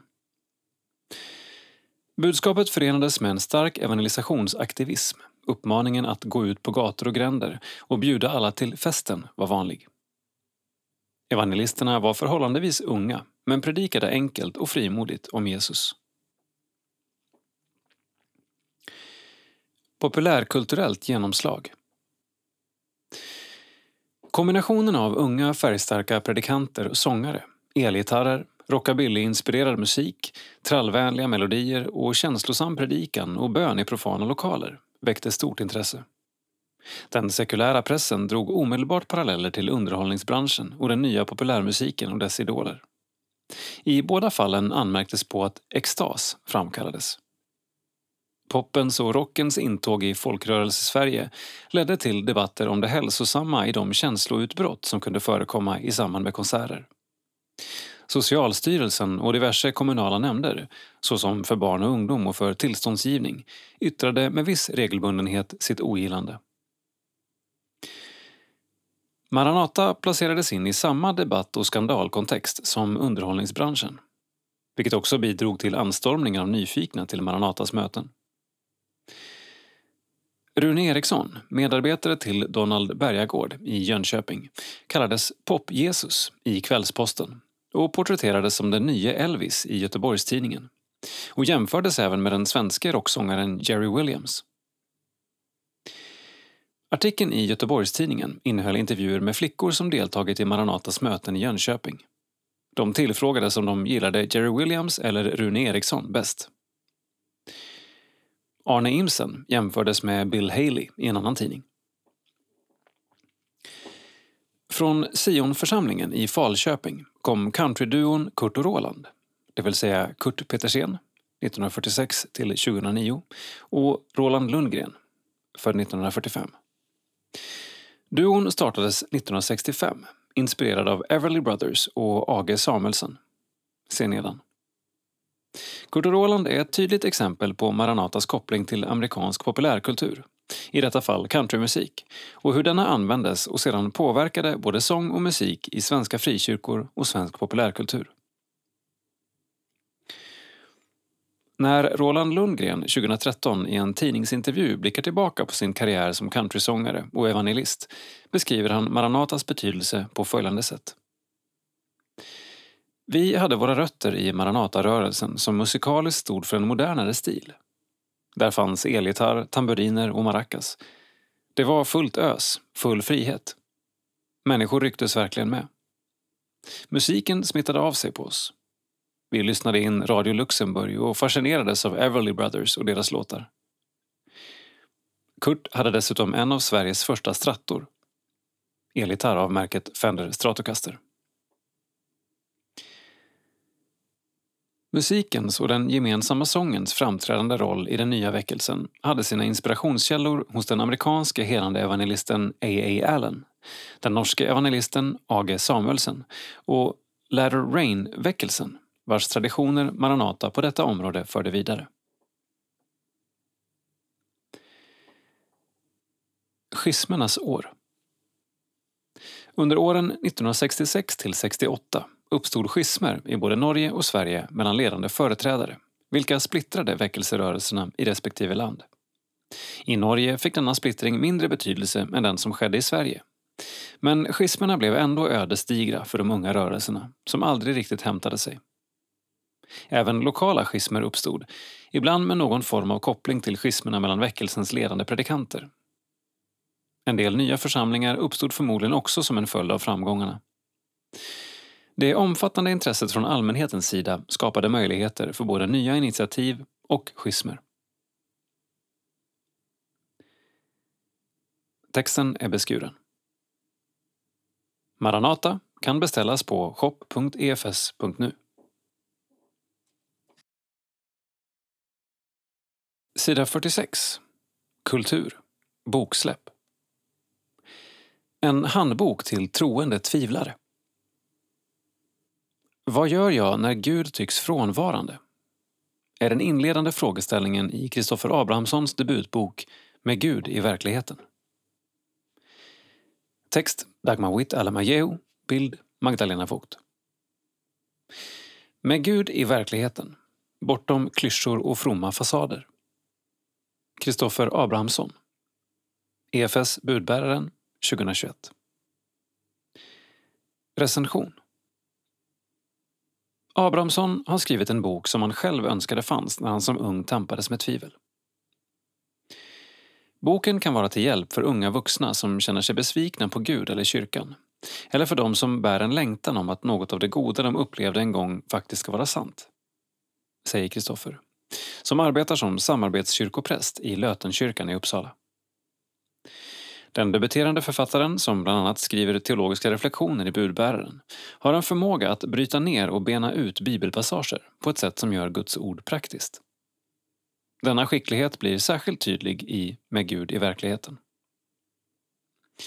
Abrahamsson berättar att boken skrev sig själv på ett naturligt sätt där han fick sätta ord på det han har burit på i sitt hjärta över en lång period. Och den hämtar stoff ur den egna erfarenheten av livets olika skiftningar. Resultatet är ett slags handbok för den här generationens Thomas Tvivlare. Många tonåringar och unga vuxna som lämnat tron berättar om hur Gud upplevs frånvarande och att det kristna livet omgärdas av fler frågor än svar. Det har väckt en längtan i mig att hjälpa dem att hitta ett förhållningssätt att tro, både i dagar av glädje och i dagar av sorg. Säger Kristoffer och fortsätter. Jag försöker ösa ur den hjälp som har varit viktig för mig. Nämligen den enskilda själavården, retriten och den gudstjänstfirande gemenskapen. Alla sammanhang som har hjälpt mig att komma i kontakt med min egen mänsklighet och att öppna upp mitt hjärta för all Guds kärlek. Vandringen med Jesus beskrivs i boken som en resa där tvivel också är en möjlig växtplats. I trons öken konfronteras vi med Gud, oss själva. Där kan en ny relation till Gud vinnas, där hela livet är en gudstjänst och skiljemuren mellan det gudomliga och det mänskliga rivs. Abrahamsson skriver Jag bryts ur min inkrökthet, blicken lyfts och hjärtat vidgas så att det omfamnar allt skapat. Peter Halldorf, Magnus Malm och Thomas Merton citeras friskt genom hela boken och avslöjar Kristoffers inspirationskällor. Lika framträdande är bibelcitaten som stärker författarens budskap i sin uppmuntran och förmaning till läsaren. Skifta perspektiv. Vi behöver inse att Gud inte går att greppa fullt ut. Vi kommer att stå kvar med frågor som inte besvaras och då behöver vi leva i ödmjukhet. Ödmjukhet är inte att vi ska vara tysta, utan att vi ska stå kvar och lita på Gud, trots alla obesvarade frågor. En del som har varit i kyrkan länge känner att det kristna livet är fyllt av ytlighet och klyschor och att det hindrar en från att ha en mogen relation med Gud. Men det kristna livet är inte en flykt från verkligheten utan snarare ett sätt att beskriva och leva i den. Sidan 48. Kultur, Boksläpp. Se framtiden i historien. Under pandemin fann Per-Eiver Berntsson tid och ro att slutföra boken Kraftfulla rötter som ger hopp. Text Jakob Arvidsson. Bild privat. Per-Eiver medger att det är en speciell känsla att få hålla den färdigtryckta boken i sin hand efter vad han beskriver som mycken möda den här gången känns det extra bra eftersom hela processen har inneburit mycket arbete. Eftersom Per Eive är lite av en historienörd har han under de senaste åren reflekterat över att vår tid på många sätt påminner om tiden för 200 år sedan. Det vill säga något eller några årtionden före den stora folkväckelsen. Många gånger har jag frågat mig om historien på något sätt är på väg att upprepa sig. Det finns många böcker om skeendet i Sverige från Rosenius och framåt men det finns ganska få böcker som beskriver förhistorien till EFS uppkomst. När jag vid några tillfällen har antytt att jag funderat på att författa en bok om ämnet har några andliga ledare uppmanat mig att jag verkligen borde skriva den här boken. I Guds väsen förenas nutiden, dåtiden och framtiden och den som lär känna honom kan också få del av ett vidare perspektiv. Berättelserna om hur Gud har uppenbarat sig och verkat genom människor i Gamla och Nya testamentet liksom genom kyrkohistorien hänger därför samman med vår nutid och framtid. Per Eivers syfte med boken är att förmedla något av detta trefaldiga tidsperspektiv i vår andliga förståelse av det som sker. Boken fokuserar framför allt på några personer som i en tid som på många sätt påminde om vår upplevde en livsförvandling i mötet med den helige, nådefulle guden. Gudsmötena förändrade deras liv och gav dem en auktoritet som kom att bli helt avgörande för Sveriges kristenhet och i förlängningen också för hela det svenska samhällets förvandling, säger han och fortsätter.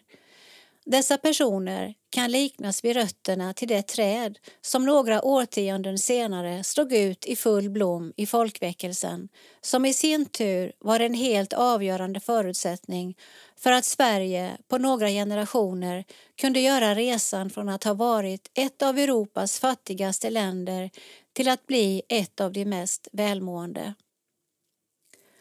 Flera av bokens huvudpersoner är i princip bortglömda idag men här beskrivs också rötternas rötter, det vill säga de mer okända hjältarna, oftast kvinnor, som möjliggjorde för rötternas tillväxt.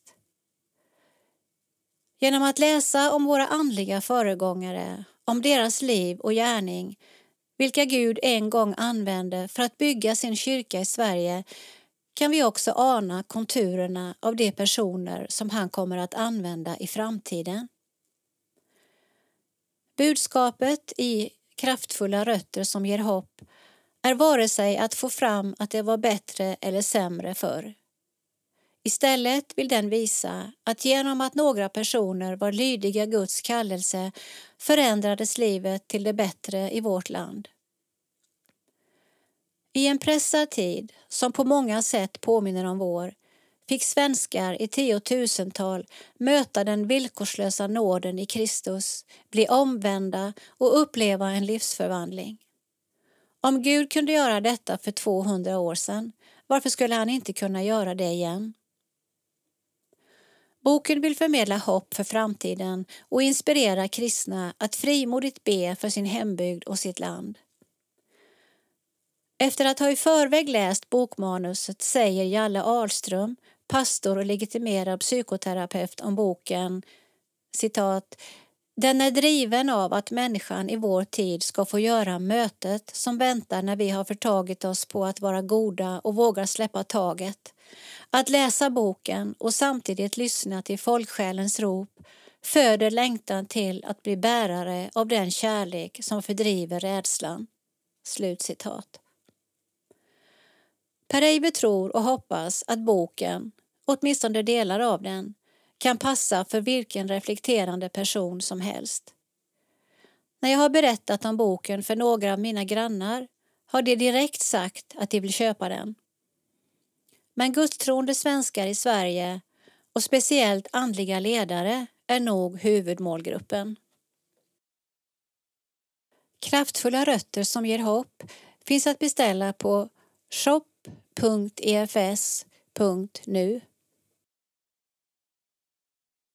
Nyhet. Med Gud i verkligheten. Bortom klyschor och fromma fasader. Av Kristoffer Abrahamsson. Vad gör jag när Gud upplevs frånvarande? Eller när den tro som jag burit och försvarat inte längre bär? I sin debutbok tar Kristoffer Abrahamsson sig an de svåra frågorna om tvivel och trons mörker. Han pekar ut en riktning som kan få leda vidare och djupare till en Gud som är större, vackrare och mer kärleksfull än vi kunnat ana. Provläsning Vandringen från tvärsäkerhet till ödmjukhet. Det kristna livet kan förstås i ljuset av passionsveckan, tiden mellan palmsöndagen och påskdagen. När Jesus på palmsöndagen rider in i Jerusalem välkomnar den stora folkmassan honom. Han hyllas som räddaren och befriaren. Trosvandringen kännetecknas här av de enkla proklamationerna. De högljudda bekännelserna tystar eventuella tvivel. Att ifrågasätta tron känns märkligt, onödigt och nästan felaktigt. Men med tiden förändras detta, liksom relationen till Gud. På samma sätt som det upplevs ganska oskyldigt att ett barn lever med föreställningen att ens förälder är starkast i världen är det ganska oskyldigt när ett barn i tron hyllar Jesus och sätter sin lit till att han beskyddar från allt ont.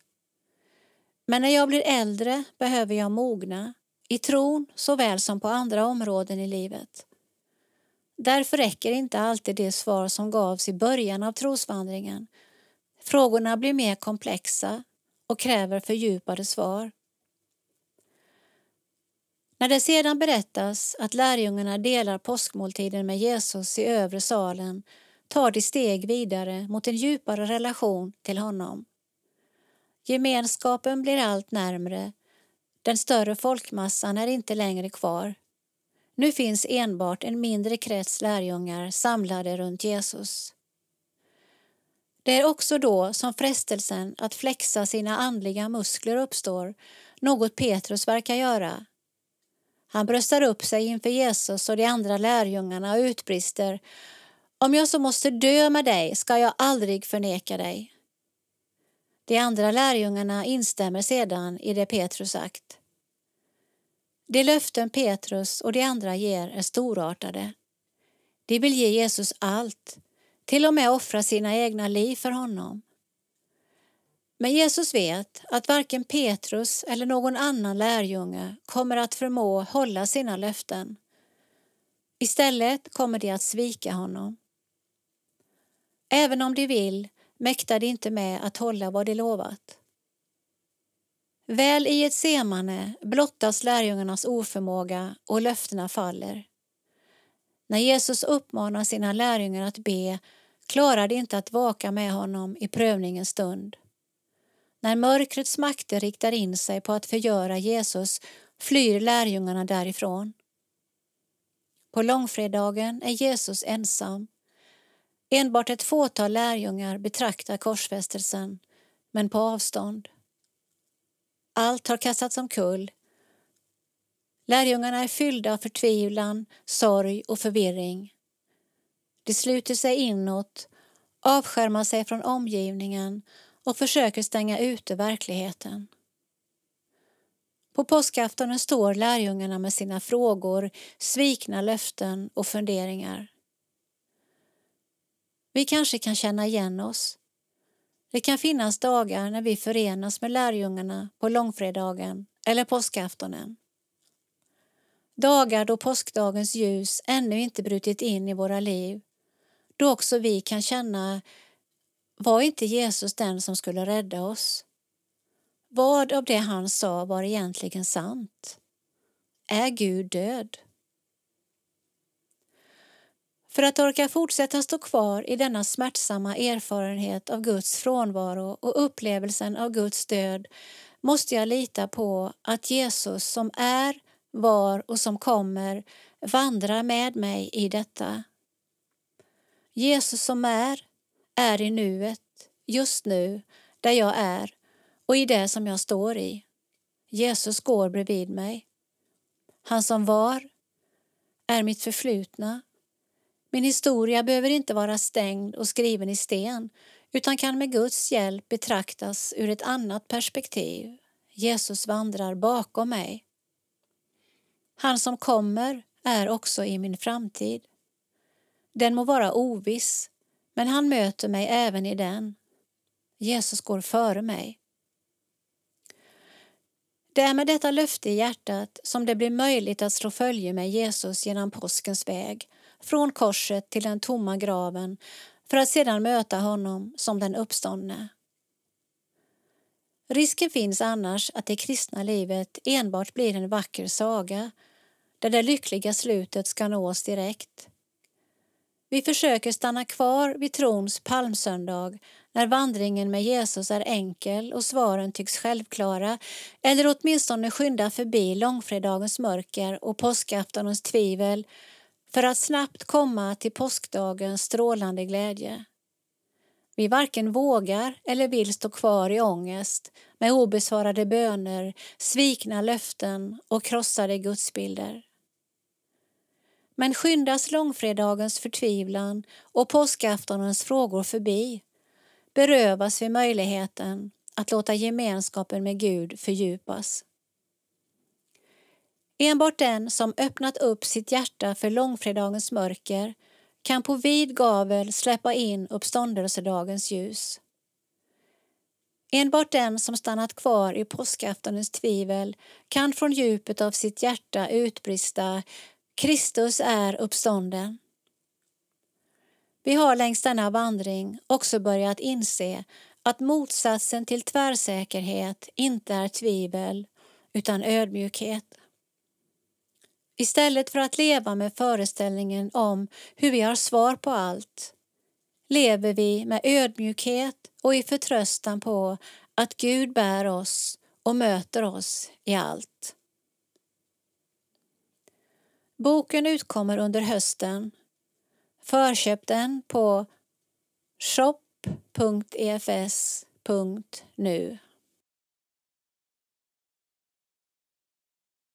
Sidan 52.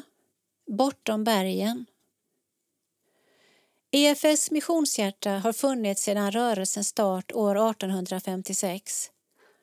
Än idag arbetar EFS missionärer i ett flertal länder och här får du ta del av deras egna berättelser. Frida och Andreas Tornell kommer aldrig glömma den 17 augusti då flodbanken brast och deras bostadsområde förvandlades till en katastrofplats. Text Frida Tornell bild privat. I nöd och lust.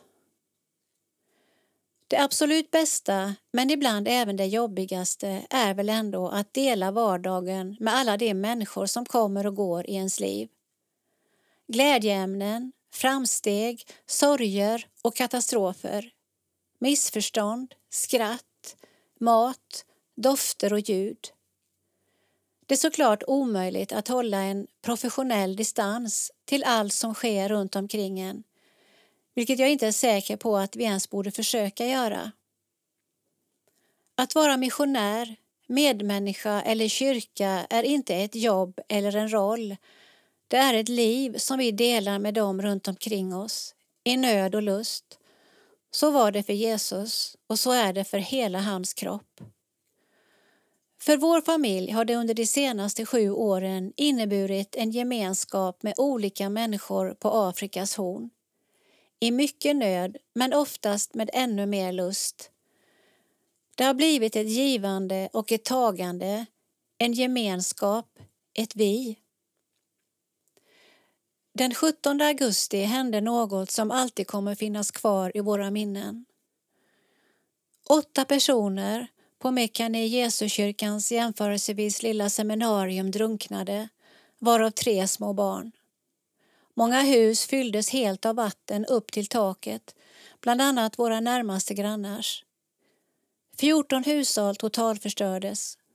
73 människor förlorade sina hem, dessutom många offer utanför seminariet. Det finns så många olika historier både sådana fyllda av skräck och sådana fyllda av hur Gud uppenbarat sig mitt i katastrofen. De flestas erfarenheter är en kombination av båda. För oss som familj var det en chock att se vågen komma. Det gick otroligt snabbt. Andreas och våra tre barn var hemma när de plötsligt såg grannhusen översvämmas och deras utemöbler, skor och träd svepa förbi i vår trädgård. När vattnet steg upp på vår höga veranda sprang barnen snabbt ut och upp för en backe. Men vårt hus ligger ett par meter högre än grannarnas så vattnet stannade precis vid vår tröskel. Andra hade inte samma tur. De senaste dagarna har vi besökt sorgehus och gråtit med dem som förlorat sina barn. Vi har tillsammans med många andra grävt i leran på jakt efter ägodelar som försvunnit. Vi har hört glada tjut när något hittats. Det här är ju kniven jag fick för något år sedan. Den är handgjord och ett viktigt minne för mig. Vi har samlat in filtar, kläder och möbler till dem som förlorat allt. Vi har sörjt över att vår gata aldrig kommer bli som förr. Sörjt med våra barn vars värld skakats om men vi har också varit så otroligt tacksamma över att vi får vara här just nu. Att få dela livets absolut sårbaraste stunder med andra öppnar upp för så mycket kärlek och gemenskap. Det har varit läkande att få arbeta sida vid sida i leran, även för våra barn. Att tjäna och bli betjänade. Och vi påminns som så många gånger förr om att människans trygghet ligger i Guds hand, i hans nåd, i hans kärlek som inte ens döden kan skilja oss ifrån. Gud kommer bevisa sin barmhärtighet till seminariet, dess personal, missionärer och elever igen och igen. Det är vi övertygade om. Och kanske vill han använda många inom EFS i detta, till att be eller till att ge pengar för återuppbyggnaden av skolan. Tänk att vi, lilla EFS med rötter i Sverige, får vara hans händer här. Just nu på denna plats, i både stor nöd och fantastisk lust. EFS styrelse har beslutat att bidra med 500 000 kronor till återuppbyggnaden efter översvämningen. Vill du vara med och bidra till EFS mission? Ge via Swish 900 9903 eller bankgiro 900-9903. Sidan 55. Psalm, kultur. Svenska psalmboken 785. Ge oss mod att våga leva. Ge oss mod att våga leva. Ge oss mod att våga älska.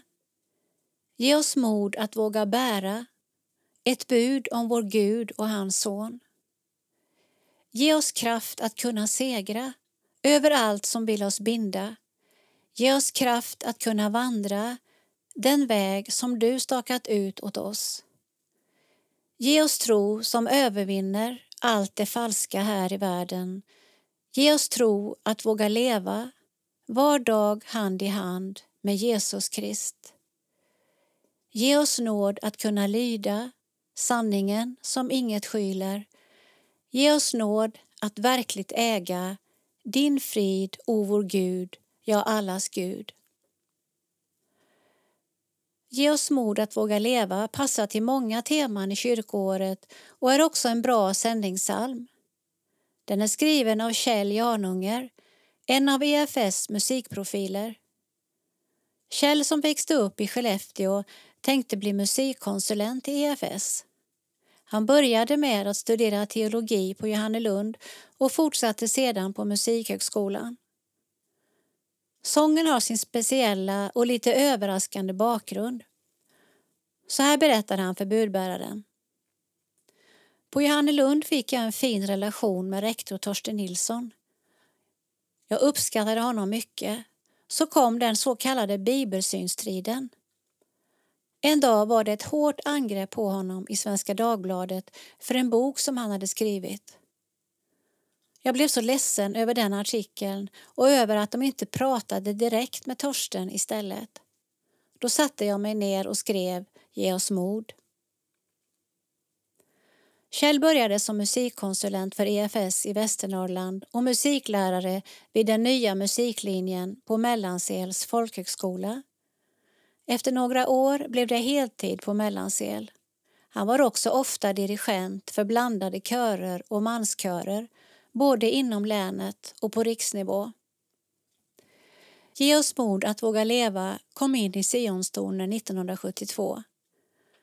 När EFS på 80-talet istället gjorde ett tillägg till psalmboken var den en av de hundra psalmer som togs med där. Och när det nya psalmtillägget kom år 2002 var Janungers sång en av bara 18 från EFS-tillägget som fick följa med dit. Knappast tänkte väl Kjell att han skrev en psalm den där dagen 1969, men så blev det. Idag skulle han nog ha formulerat några rader lite annorlunda, säger han, och så kan det ju vara med en text efter 50 år. Men det är en psalm som fortfarande fungerar väl. Melodin går bra att sjunga och texten är en innerlig bön om att få leva med och följa Gud. Kjell Janunger har skrivit många fler sånger och musikverk. Själv har jag fina minnen från EFS tonårsriks i Bureå 1973 som var ett fantastiskt läger. Då hade Janunger skrivit den härliga lägersången Jesus och du, vilket möte. Kanske minns några av er som läser detta också den. Maila i så fall gärna budis.efs.nu och berätta. Torbjörn Arvidsson. Sida 57. Info. Kalendarium, information, kungörelser, sociala medier och mycket mer som rör EFS och SALT. Har du frågor? Kontakta oss på budis efs.nu. E på gång. 18 september. Zoom. Webbinarium om barn i missionen. 25 september online. Insamlingsprogrammet CBG sänds på efsplay.nu. 1-3 oktober, Uppsala. Livsväg, konferens för unga vuxna. 2 oktober, Växjö. Missionsdag för alla generationer arrangerad av EFS och Salt Sydöst. 4 oktober Uppsala, 6 oktober Piteå och 8 oktober Göteborg. Mission i Sverige-konferensen. Tipsa budbäraren. Har du ett nyhetstips? Mejla till budis efs.nu. E Firade EFS initiativtagare. Entreprenören Hans Jakob Lundborg vilar på Grythyttans kyrkogård. Text och bild Gunnar Kärrbom. Den 28 augusti firades helgsmål på Gagnefs kyrkvall vid Hans Jakob Lundborgs minnessten. Lundborg föddes i Gagnef, prästvigdes i Västerås domkyrka och reste omkring i Sverige med syfte att skapa en inre mission. Våren 1856 var Hans Jakob Lundborg med som initiativtagare till bildandet av EFS. Han startade sy och missionsföreningar på de olika platser där han var verksam i Västerås stift. I Grythyttan startade Lundborg en kolportörsskola med syftet att utbilda män att utdela fromma skrifter, be en bön och sjunga en sång. En del av dem fick uppdrag inom EFS. Lundborg avled endast 42 år gammal, vilar på Grythyttans kyrkogård och anses vara en av svensk kyrkohistorias främsta entreprenörer.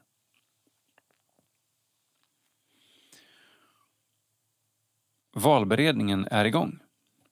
Valberedningen efterlyser förslag på kandidater till riksstyrelsen. Alla medlemmar har rätt att föreslå personer. Förslag lämnas senast 15 november till valberedningens ordförande Anna Thorén via anna.thorén hagaberg.org. Kallelse till EFS årsmöte 2022. Härmed kallas till årsmöte fredag 27 och lördag 28 maj. EFS årskonferens planeras att vara i Helsingborg den 27-29 maj 2022.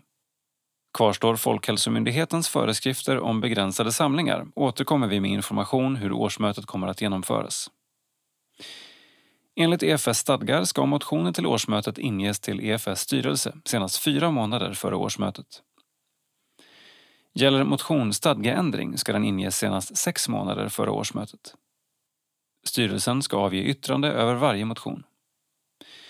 Rätt att väcka motion tillkommer enligt EFS stadgar paragraf 4.9 och paragraf 3.2. Revisorerna, fysisk person med medlemskap i ansluten EFS-förening eller EFS-grupp, fysisk persons enskilda medlemskap i EFS riks eller distriktsorganisation. Motion adresseras till EFS styrelse, EFS, box 23001 750 23 Uppsala. Katastrofer och hopp. Under det gångna året har stora katastrofer drabbat våra samarbetsländer. Gräshoppor i Östafrika, inbördeskrig och människor på flykt i Tigray och allvarlig pandemi i många länder, men kanske värst i Indien. Vi har samlat in stora pengar för att bistå. Tillsammans har vi fått göra skillnad för många människor och det tackar vi Gud för. Men i allt akut får vi inte glömma det långsiktiga. EFAs mål är alltid att fler människor ska bli förvandlade av Jesus. Årets CBG-insamling går därför till detta. Till att ge hopp. Bli månadsgivare, du med. Roland Hyving, ekonomichef. Gåvoresultat augusti. EFS. Insamlat 1,7 miljoner kronor. Budget 1,6 miljoner kronor. Det preliminära insamlingsresultatet för augusti är 1,66 miljoner kronor vilket är 161 000 kronor mer än budgeterat för perioden. Hittills i år har EFS samlat in 16,24 miljoner kronor vilket innebär att årets insamling i skrivande stund är 222 000 kronor under budget. Insamlat 16,2 miljoner kronor. Mål 2020 33,3 miljoner kronor. Salt Insamlat 379 624 kronor. Mål 2020 1 miljon kronor. Glädjande besked att insamlingen sakta börjar öka igen. Än har vi en lång väg kvar för att nå budget och ditt bidrag behövs. Hur mycket är du villig att ge?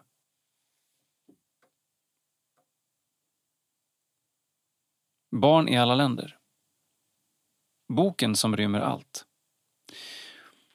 Den är världens mest lästa bok. I en del länder är det förbjudet att läsa den. På svenska kom den ut för ungefär 500 år sedan och hela tiden översätts den till nya språk. Exakt, vi pratar om Bibeln. I Bibelns berättelser möter vi andras tro och de rymmer allt som livet självt rymmer. Tacksamhet, sorg, nöd och hopp. När vi läser Bibeln vill den helige Anden leda oss att möta och lära känna Gud i texten. Upptäck Bibeln tillsammans med andra. Hos Salt finns för barn skatten, på äventyr med Gud, podden Hemmasnack, bibelsamlingar med hemmakyrka och kortlekarna Hemmatid. Sofia Svensson, inspiratör för Bial och EFS internationella mission. Insamlingsresultat. Mål 2021 1,7 miljoner kronor. Insamlat 963 677 kronor. Söndagsskola i Tanzania. Rafael vill att fler barn ska lära känna Gud och att Bibeln ska stärka deras tro. Text och bild Sofia Svensson. Rafael Dixon är söndagsskollärare i Iringa, Tanzania och deltog i EFS och SALTs utbyte med barnledare 2018. Sedan dess har han kontakt med ledarna och barngruppen Äventyret i EFS Ullånger. Rafael arbetar med IT och hans stora fritidsintresse är att undervisa. Han undervisar barn i söndagsskolan, men även vuxna ibland. I söndagsskolan som Rafael undervisar deltar över 50 barn och de samlas tre gånger i veckan. Jag hoppas att de barn som får bibelundervisning ska lära känna Gud den allsmäktige, hans enfödde son Jesus och den helige anden och att Bibeln ska ge dem en stark tro, säger Rafael. Söndagsskolebarnen är aktiva på olika sätt i sång, drama, frågestund eller samtal.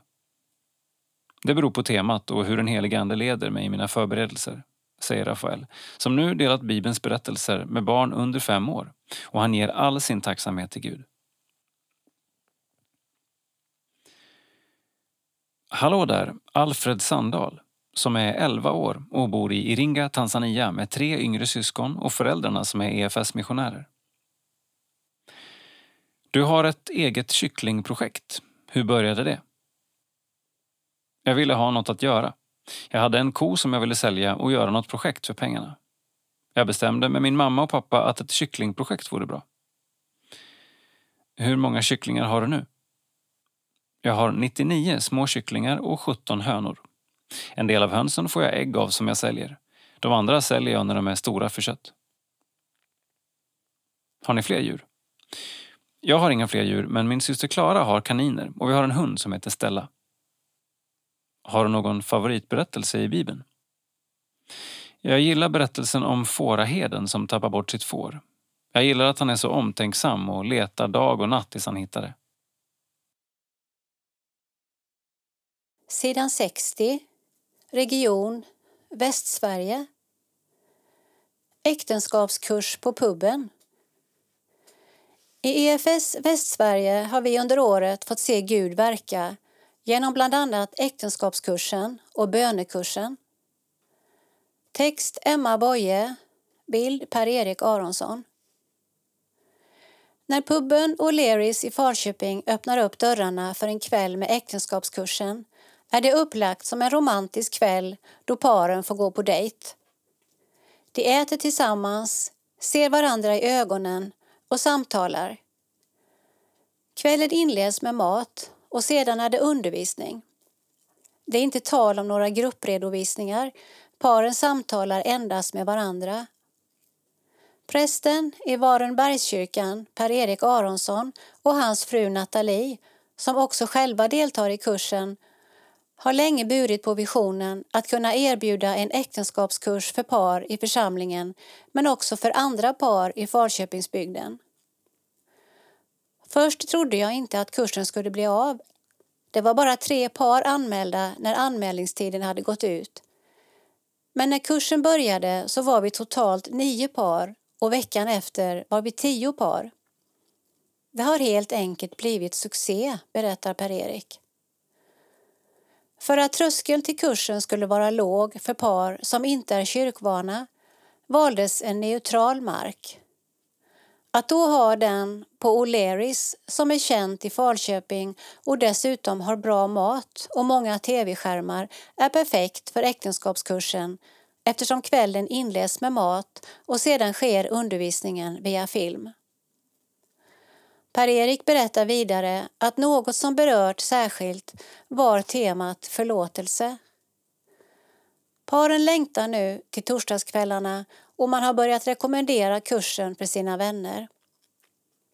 En kvinna berättade att hon har tipsat hela sitt tjejgäng och de har nu börjat bearbeta sina män att delta nästa gång. Samarbetet med O'Learys har också fungerat otroligt bra Planeringen är redan igång för nästa kurs.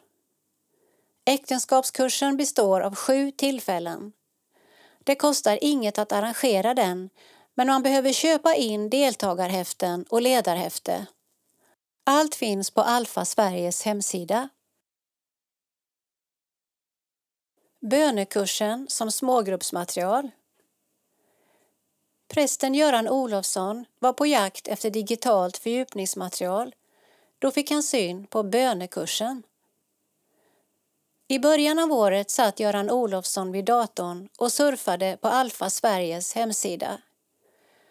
Göran är präst i Lutherska Missionskyrkan Luta i Borås och han var på jakt efter bra digitalt fördjupningsmaterial när man inte fick samlas fysiskt. Det hittade han i bönekursen som kommer från den ekumeniska bönerörelsen 24-7 prayer. Jag har upplevt att bönen gör skillnad och det är något som är grundläggande i alla församlingar, säger Göran. De bestämde sig för att använda bönekursen som ett kompletterande material till den webbhälsning de publicerade om söndagarna. Bönekursen lämpar sig särskilt för smågrupper av olika slag vilket har tillämpats i Luta. Det finns samtalsfrågor och övningar där man får praktisera olika sätt att be. Smågruppsledarna har uppskattat bönekursen. Kärnfullt och ett bra upplägg är kommentarer som fällts. Man har också fått möjlighet att ta upp svårigheten med att be, säger Göran. Relationen till Gud genomsyrar hela materialet vilket är en självklarhet i 24-7 prayer-rörelsen. Göran, som är en van retreatledare och andlig vägledare, känner igen samma självklarhet från den ignatianska traditionen. Vi längtar efter att bönen ska vara naturlig för oss, att det får bli som andningen, när vi möts, men även hemma och i den enskilda bönen. Läs mer. Sverige.alfa.org Bonekursen.se Boktips.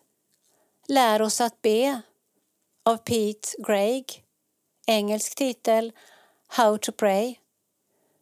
Utgiven på svenska genom Livets Ords förlag. Sida 62.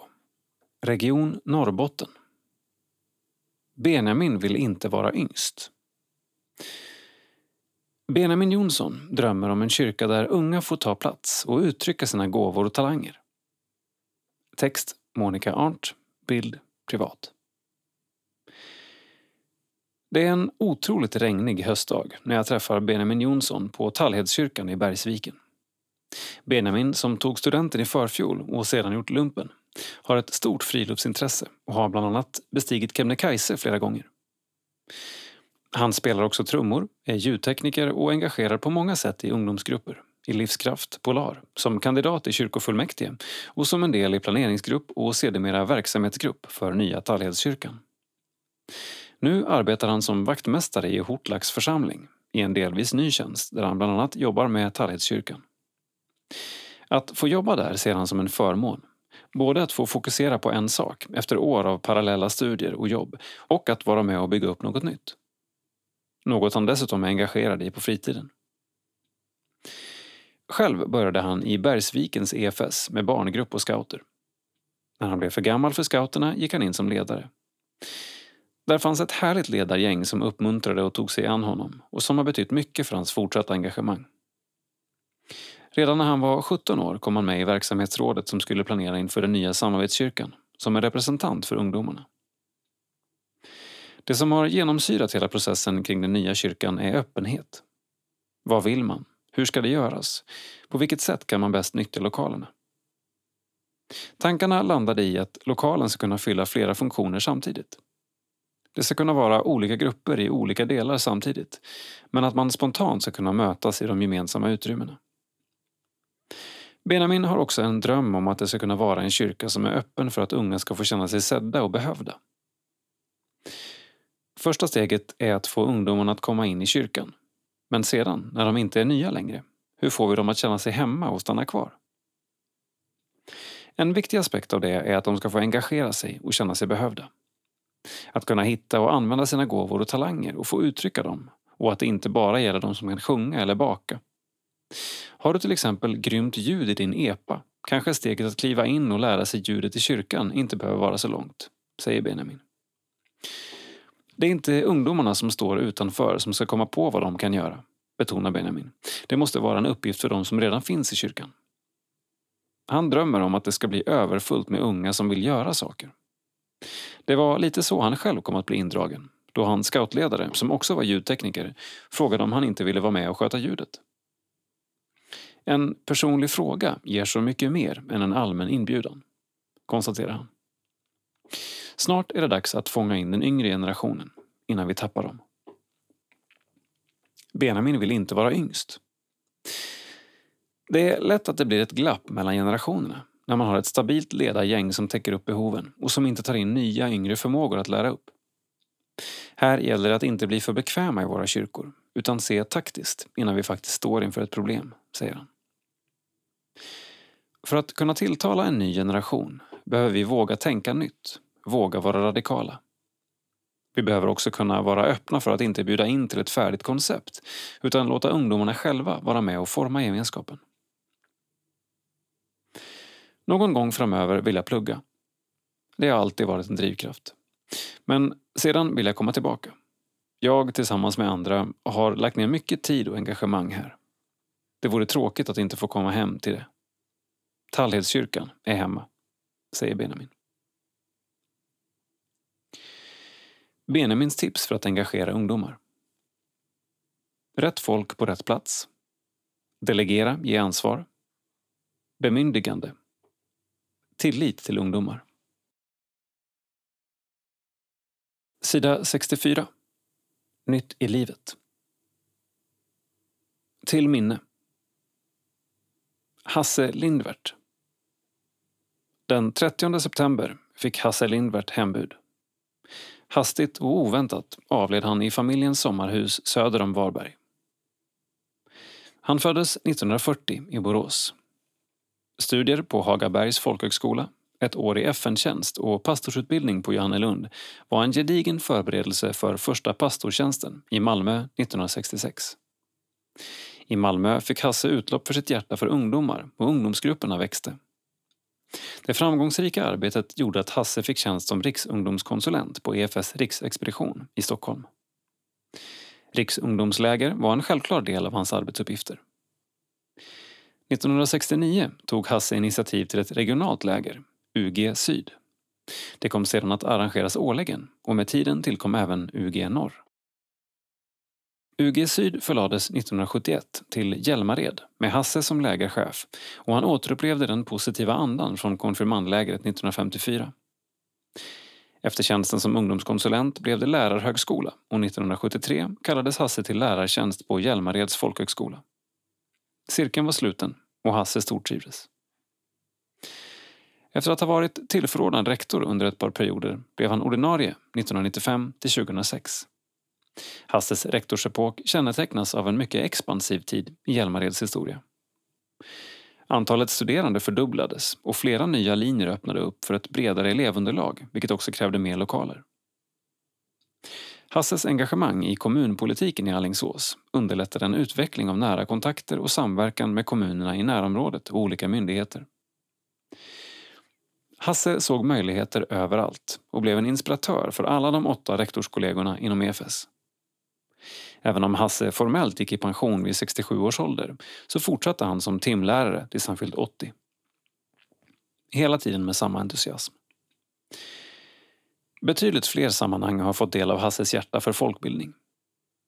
EFS-föreningen på Noltorp i Allingsås, styrelsen för Själavårdsinstitutet Lilleskog och Sensus västsvenska styrelse är några exempel där Hasse delat med sig av sitt kunnande och sitt driv. När Hjälmared 2007 fyllde 50 år intervjuades Hasse i jubileumsboken och fick frågan om vad som varit roligast. Hasse svarade Allt. Helheten. Att tillsammans med härliga medarbetare, styrelseledamöter och under Guds beskydd få vara med och hålla ihop denna fantastiska mötesplats för alla sorters människor. Hasse sörjs främst av hustrun Kerstin och barnen Susanne och Johan med familjer. Men vi är många som saknar och sörjer vår vän, inspiratör och kollega. Bertil Hedlund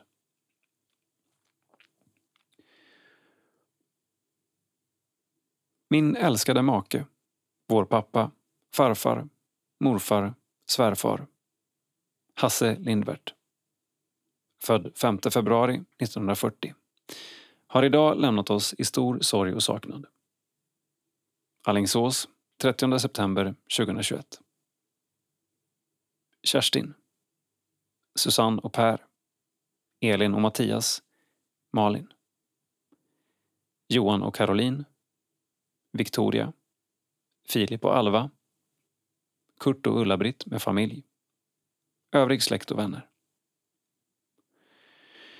Kom, himmelske Fader, var när mig. All kraft utav dig är ett lån, om du icke lyfter och bär mig. Var tager jag vingar ifrån? Begravningsgudstjänsten har ägt rum. Tänk på EFS mission bankgiro 900-9903 eller Hjärt och lungfonden, bankgiro 909-1927. www.bybergs.se Sida 65 Krönika Salt Om Jesus är mitt i vårt centrum blir det en gemenskap där fler får hitta guld, skriver Rebecka Stighem. inkörsport till tyngre grejer. Inför denna höst har Salt haft ett guldregn. Alla lokala saltföreningar inbjöds att beskriva hur man vill starta upp gemenskapen i höst. Salt hade sedan möjlighet att ge ett extra ekonomiskt stöd till många av dessa projekt. En satsning som fick det självklara namnet Saltgruvan. Och guldet bestod av berättelserna om vad som är på gång. Längtan att dela evangeliet till barn och ungdomar är så påtaglig i hela vår rörelse. Framförallt att göra det genom gemenskapen. Låt mig plocka upp högen med ansökningar till Saltgruvan och dela några gyllene glimtar. En saltförening i Västerbotten planerar en gemenskapshelg dit de särskilt vill bjuda alla föräldrar. Syftet beskriver de så här.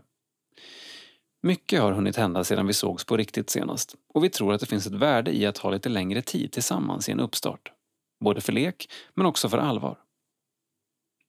En annan förening vill sätta upp en barnmusikal som firar livet. Varför detta tema? För att ge ett hopp och en framtid för barnen för att visa att kyrkan går att lita på. I en universitetsstad tänker en saltförening nystarta en träffpunkt för unga vuxna. De säger med kloka ord i denna ålder tar denna grupp sitt stora beslut om de vill följa Jesus eller lämna honom bakom sig. Därför vill vi stärka deras tro och församlingsgemenskap. Medvetenheten om behoven är alltså stor. Men detta är röster från en kyrka som vet vilket hopp hon har att dela och som är villig att ta strategiska kliv för det. I Skåne sätter en förening fingret på att många ungdomar inte har en naturlig koppling till kyrkan och vi behöver hitta nya sätt att nå dem. Hur kan detta ta sig uttryck? För vissa är det så konkret som ett välutrustat ungdomsrum. En ungdomsledare uttrycker det så här. Genom att snygga till lokalen vill vi också visa på att ungdomsarbetet är något vi som kyrka verkligen vill satsa på. Ungdomar behöver känna att det finns plats för dem i kyrkans gemenskap, också rent fysiskt på en plats som är deras och där de kan känna sig trygga. Gemenskapen. Som en röd tråd löper den genom alla dessa drömmar. När jag tänker på gemenskapen i EFS och SALT blir jag tacksam att jag får vara en del av den.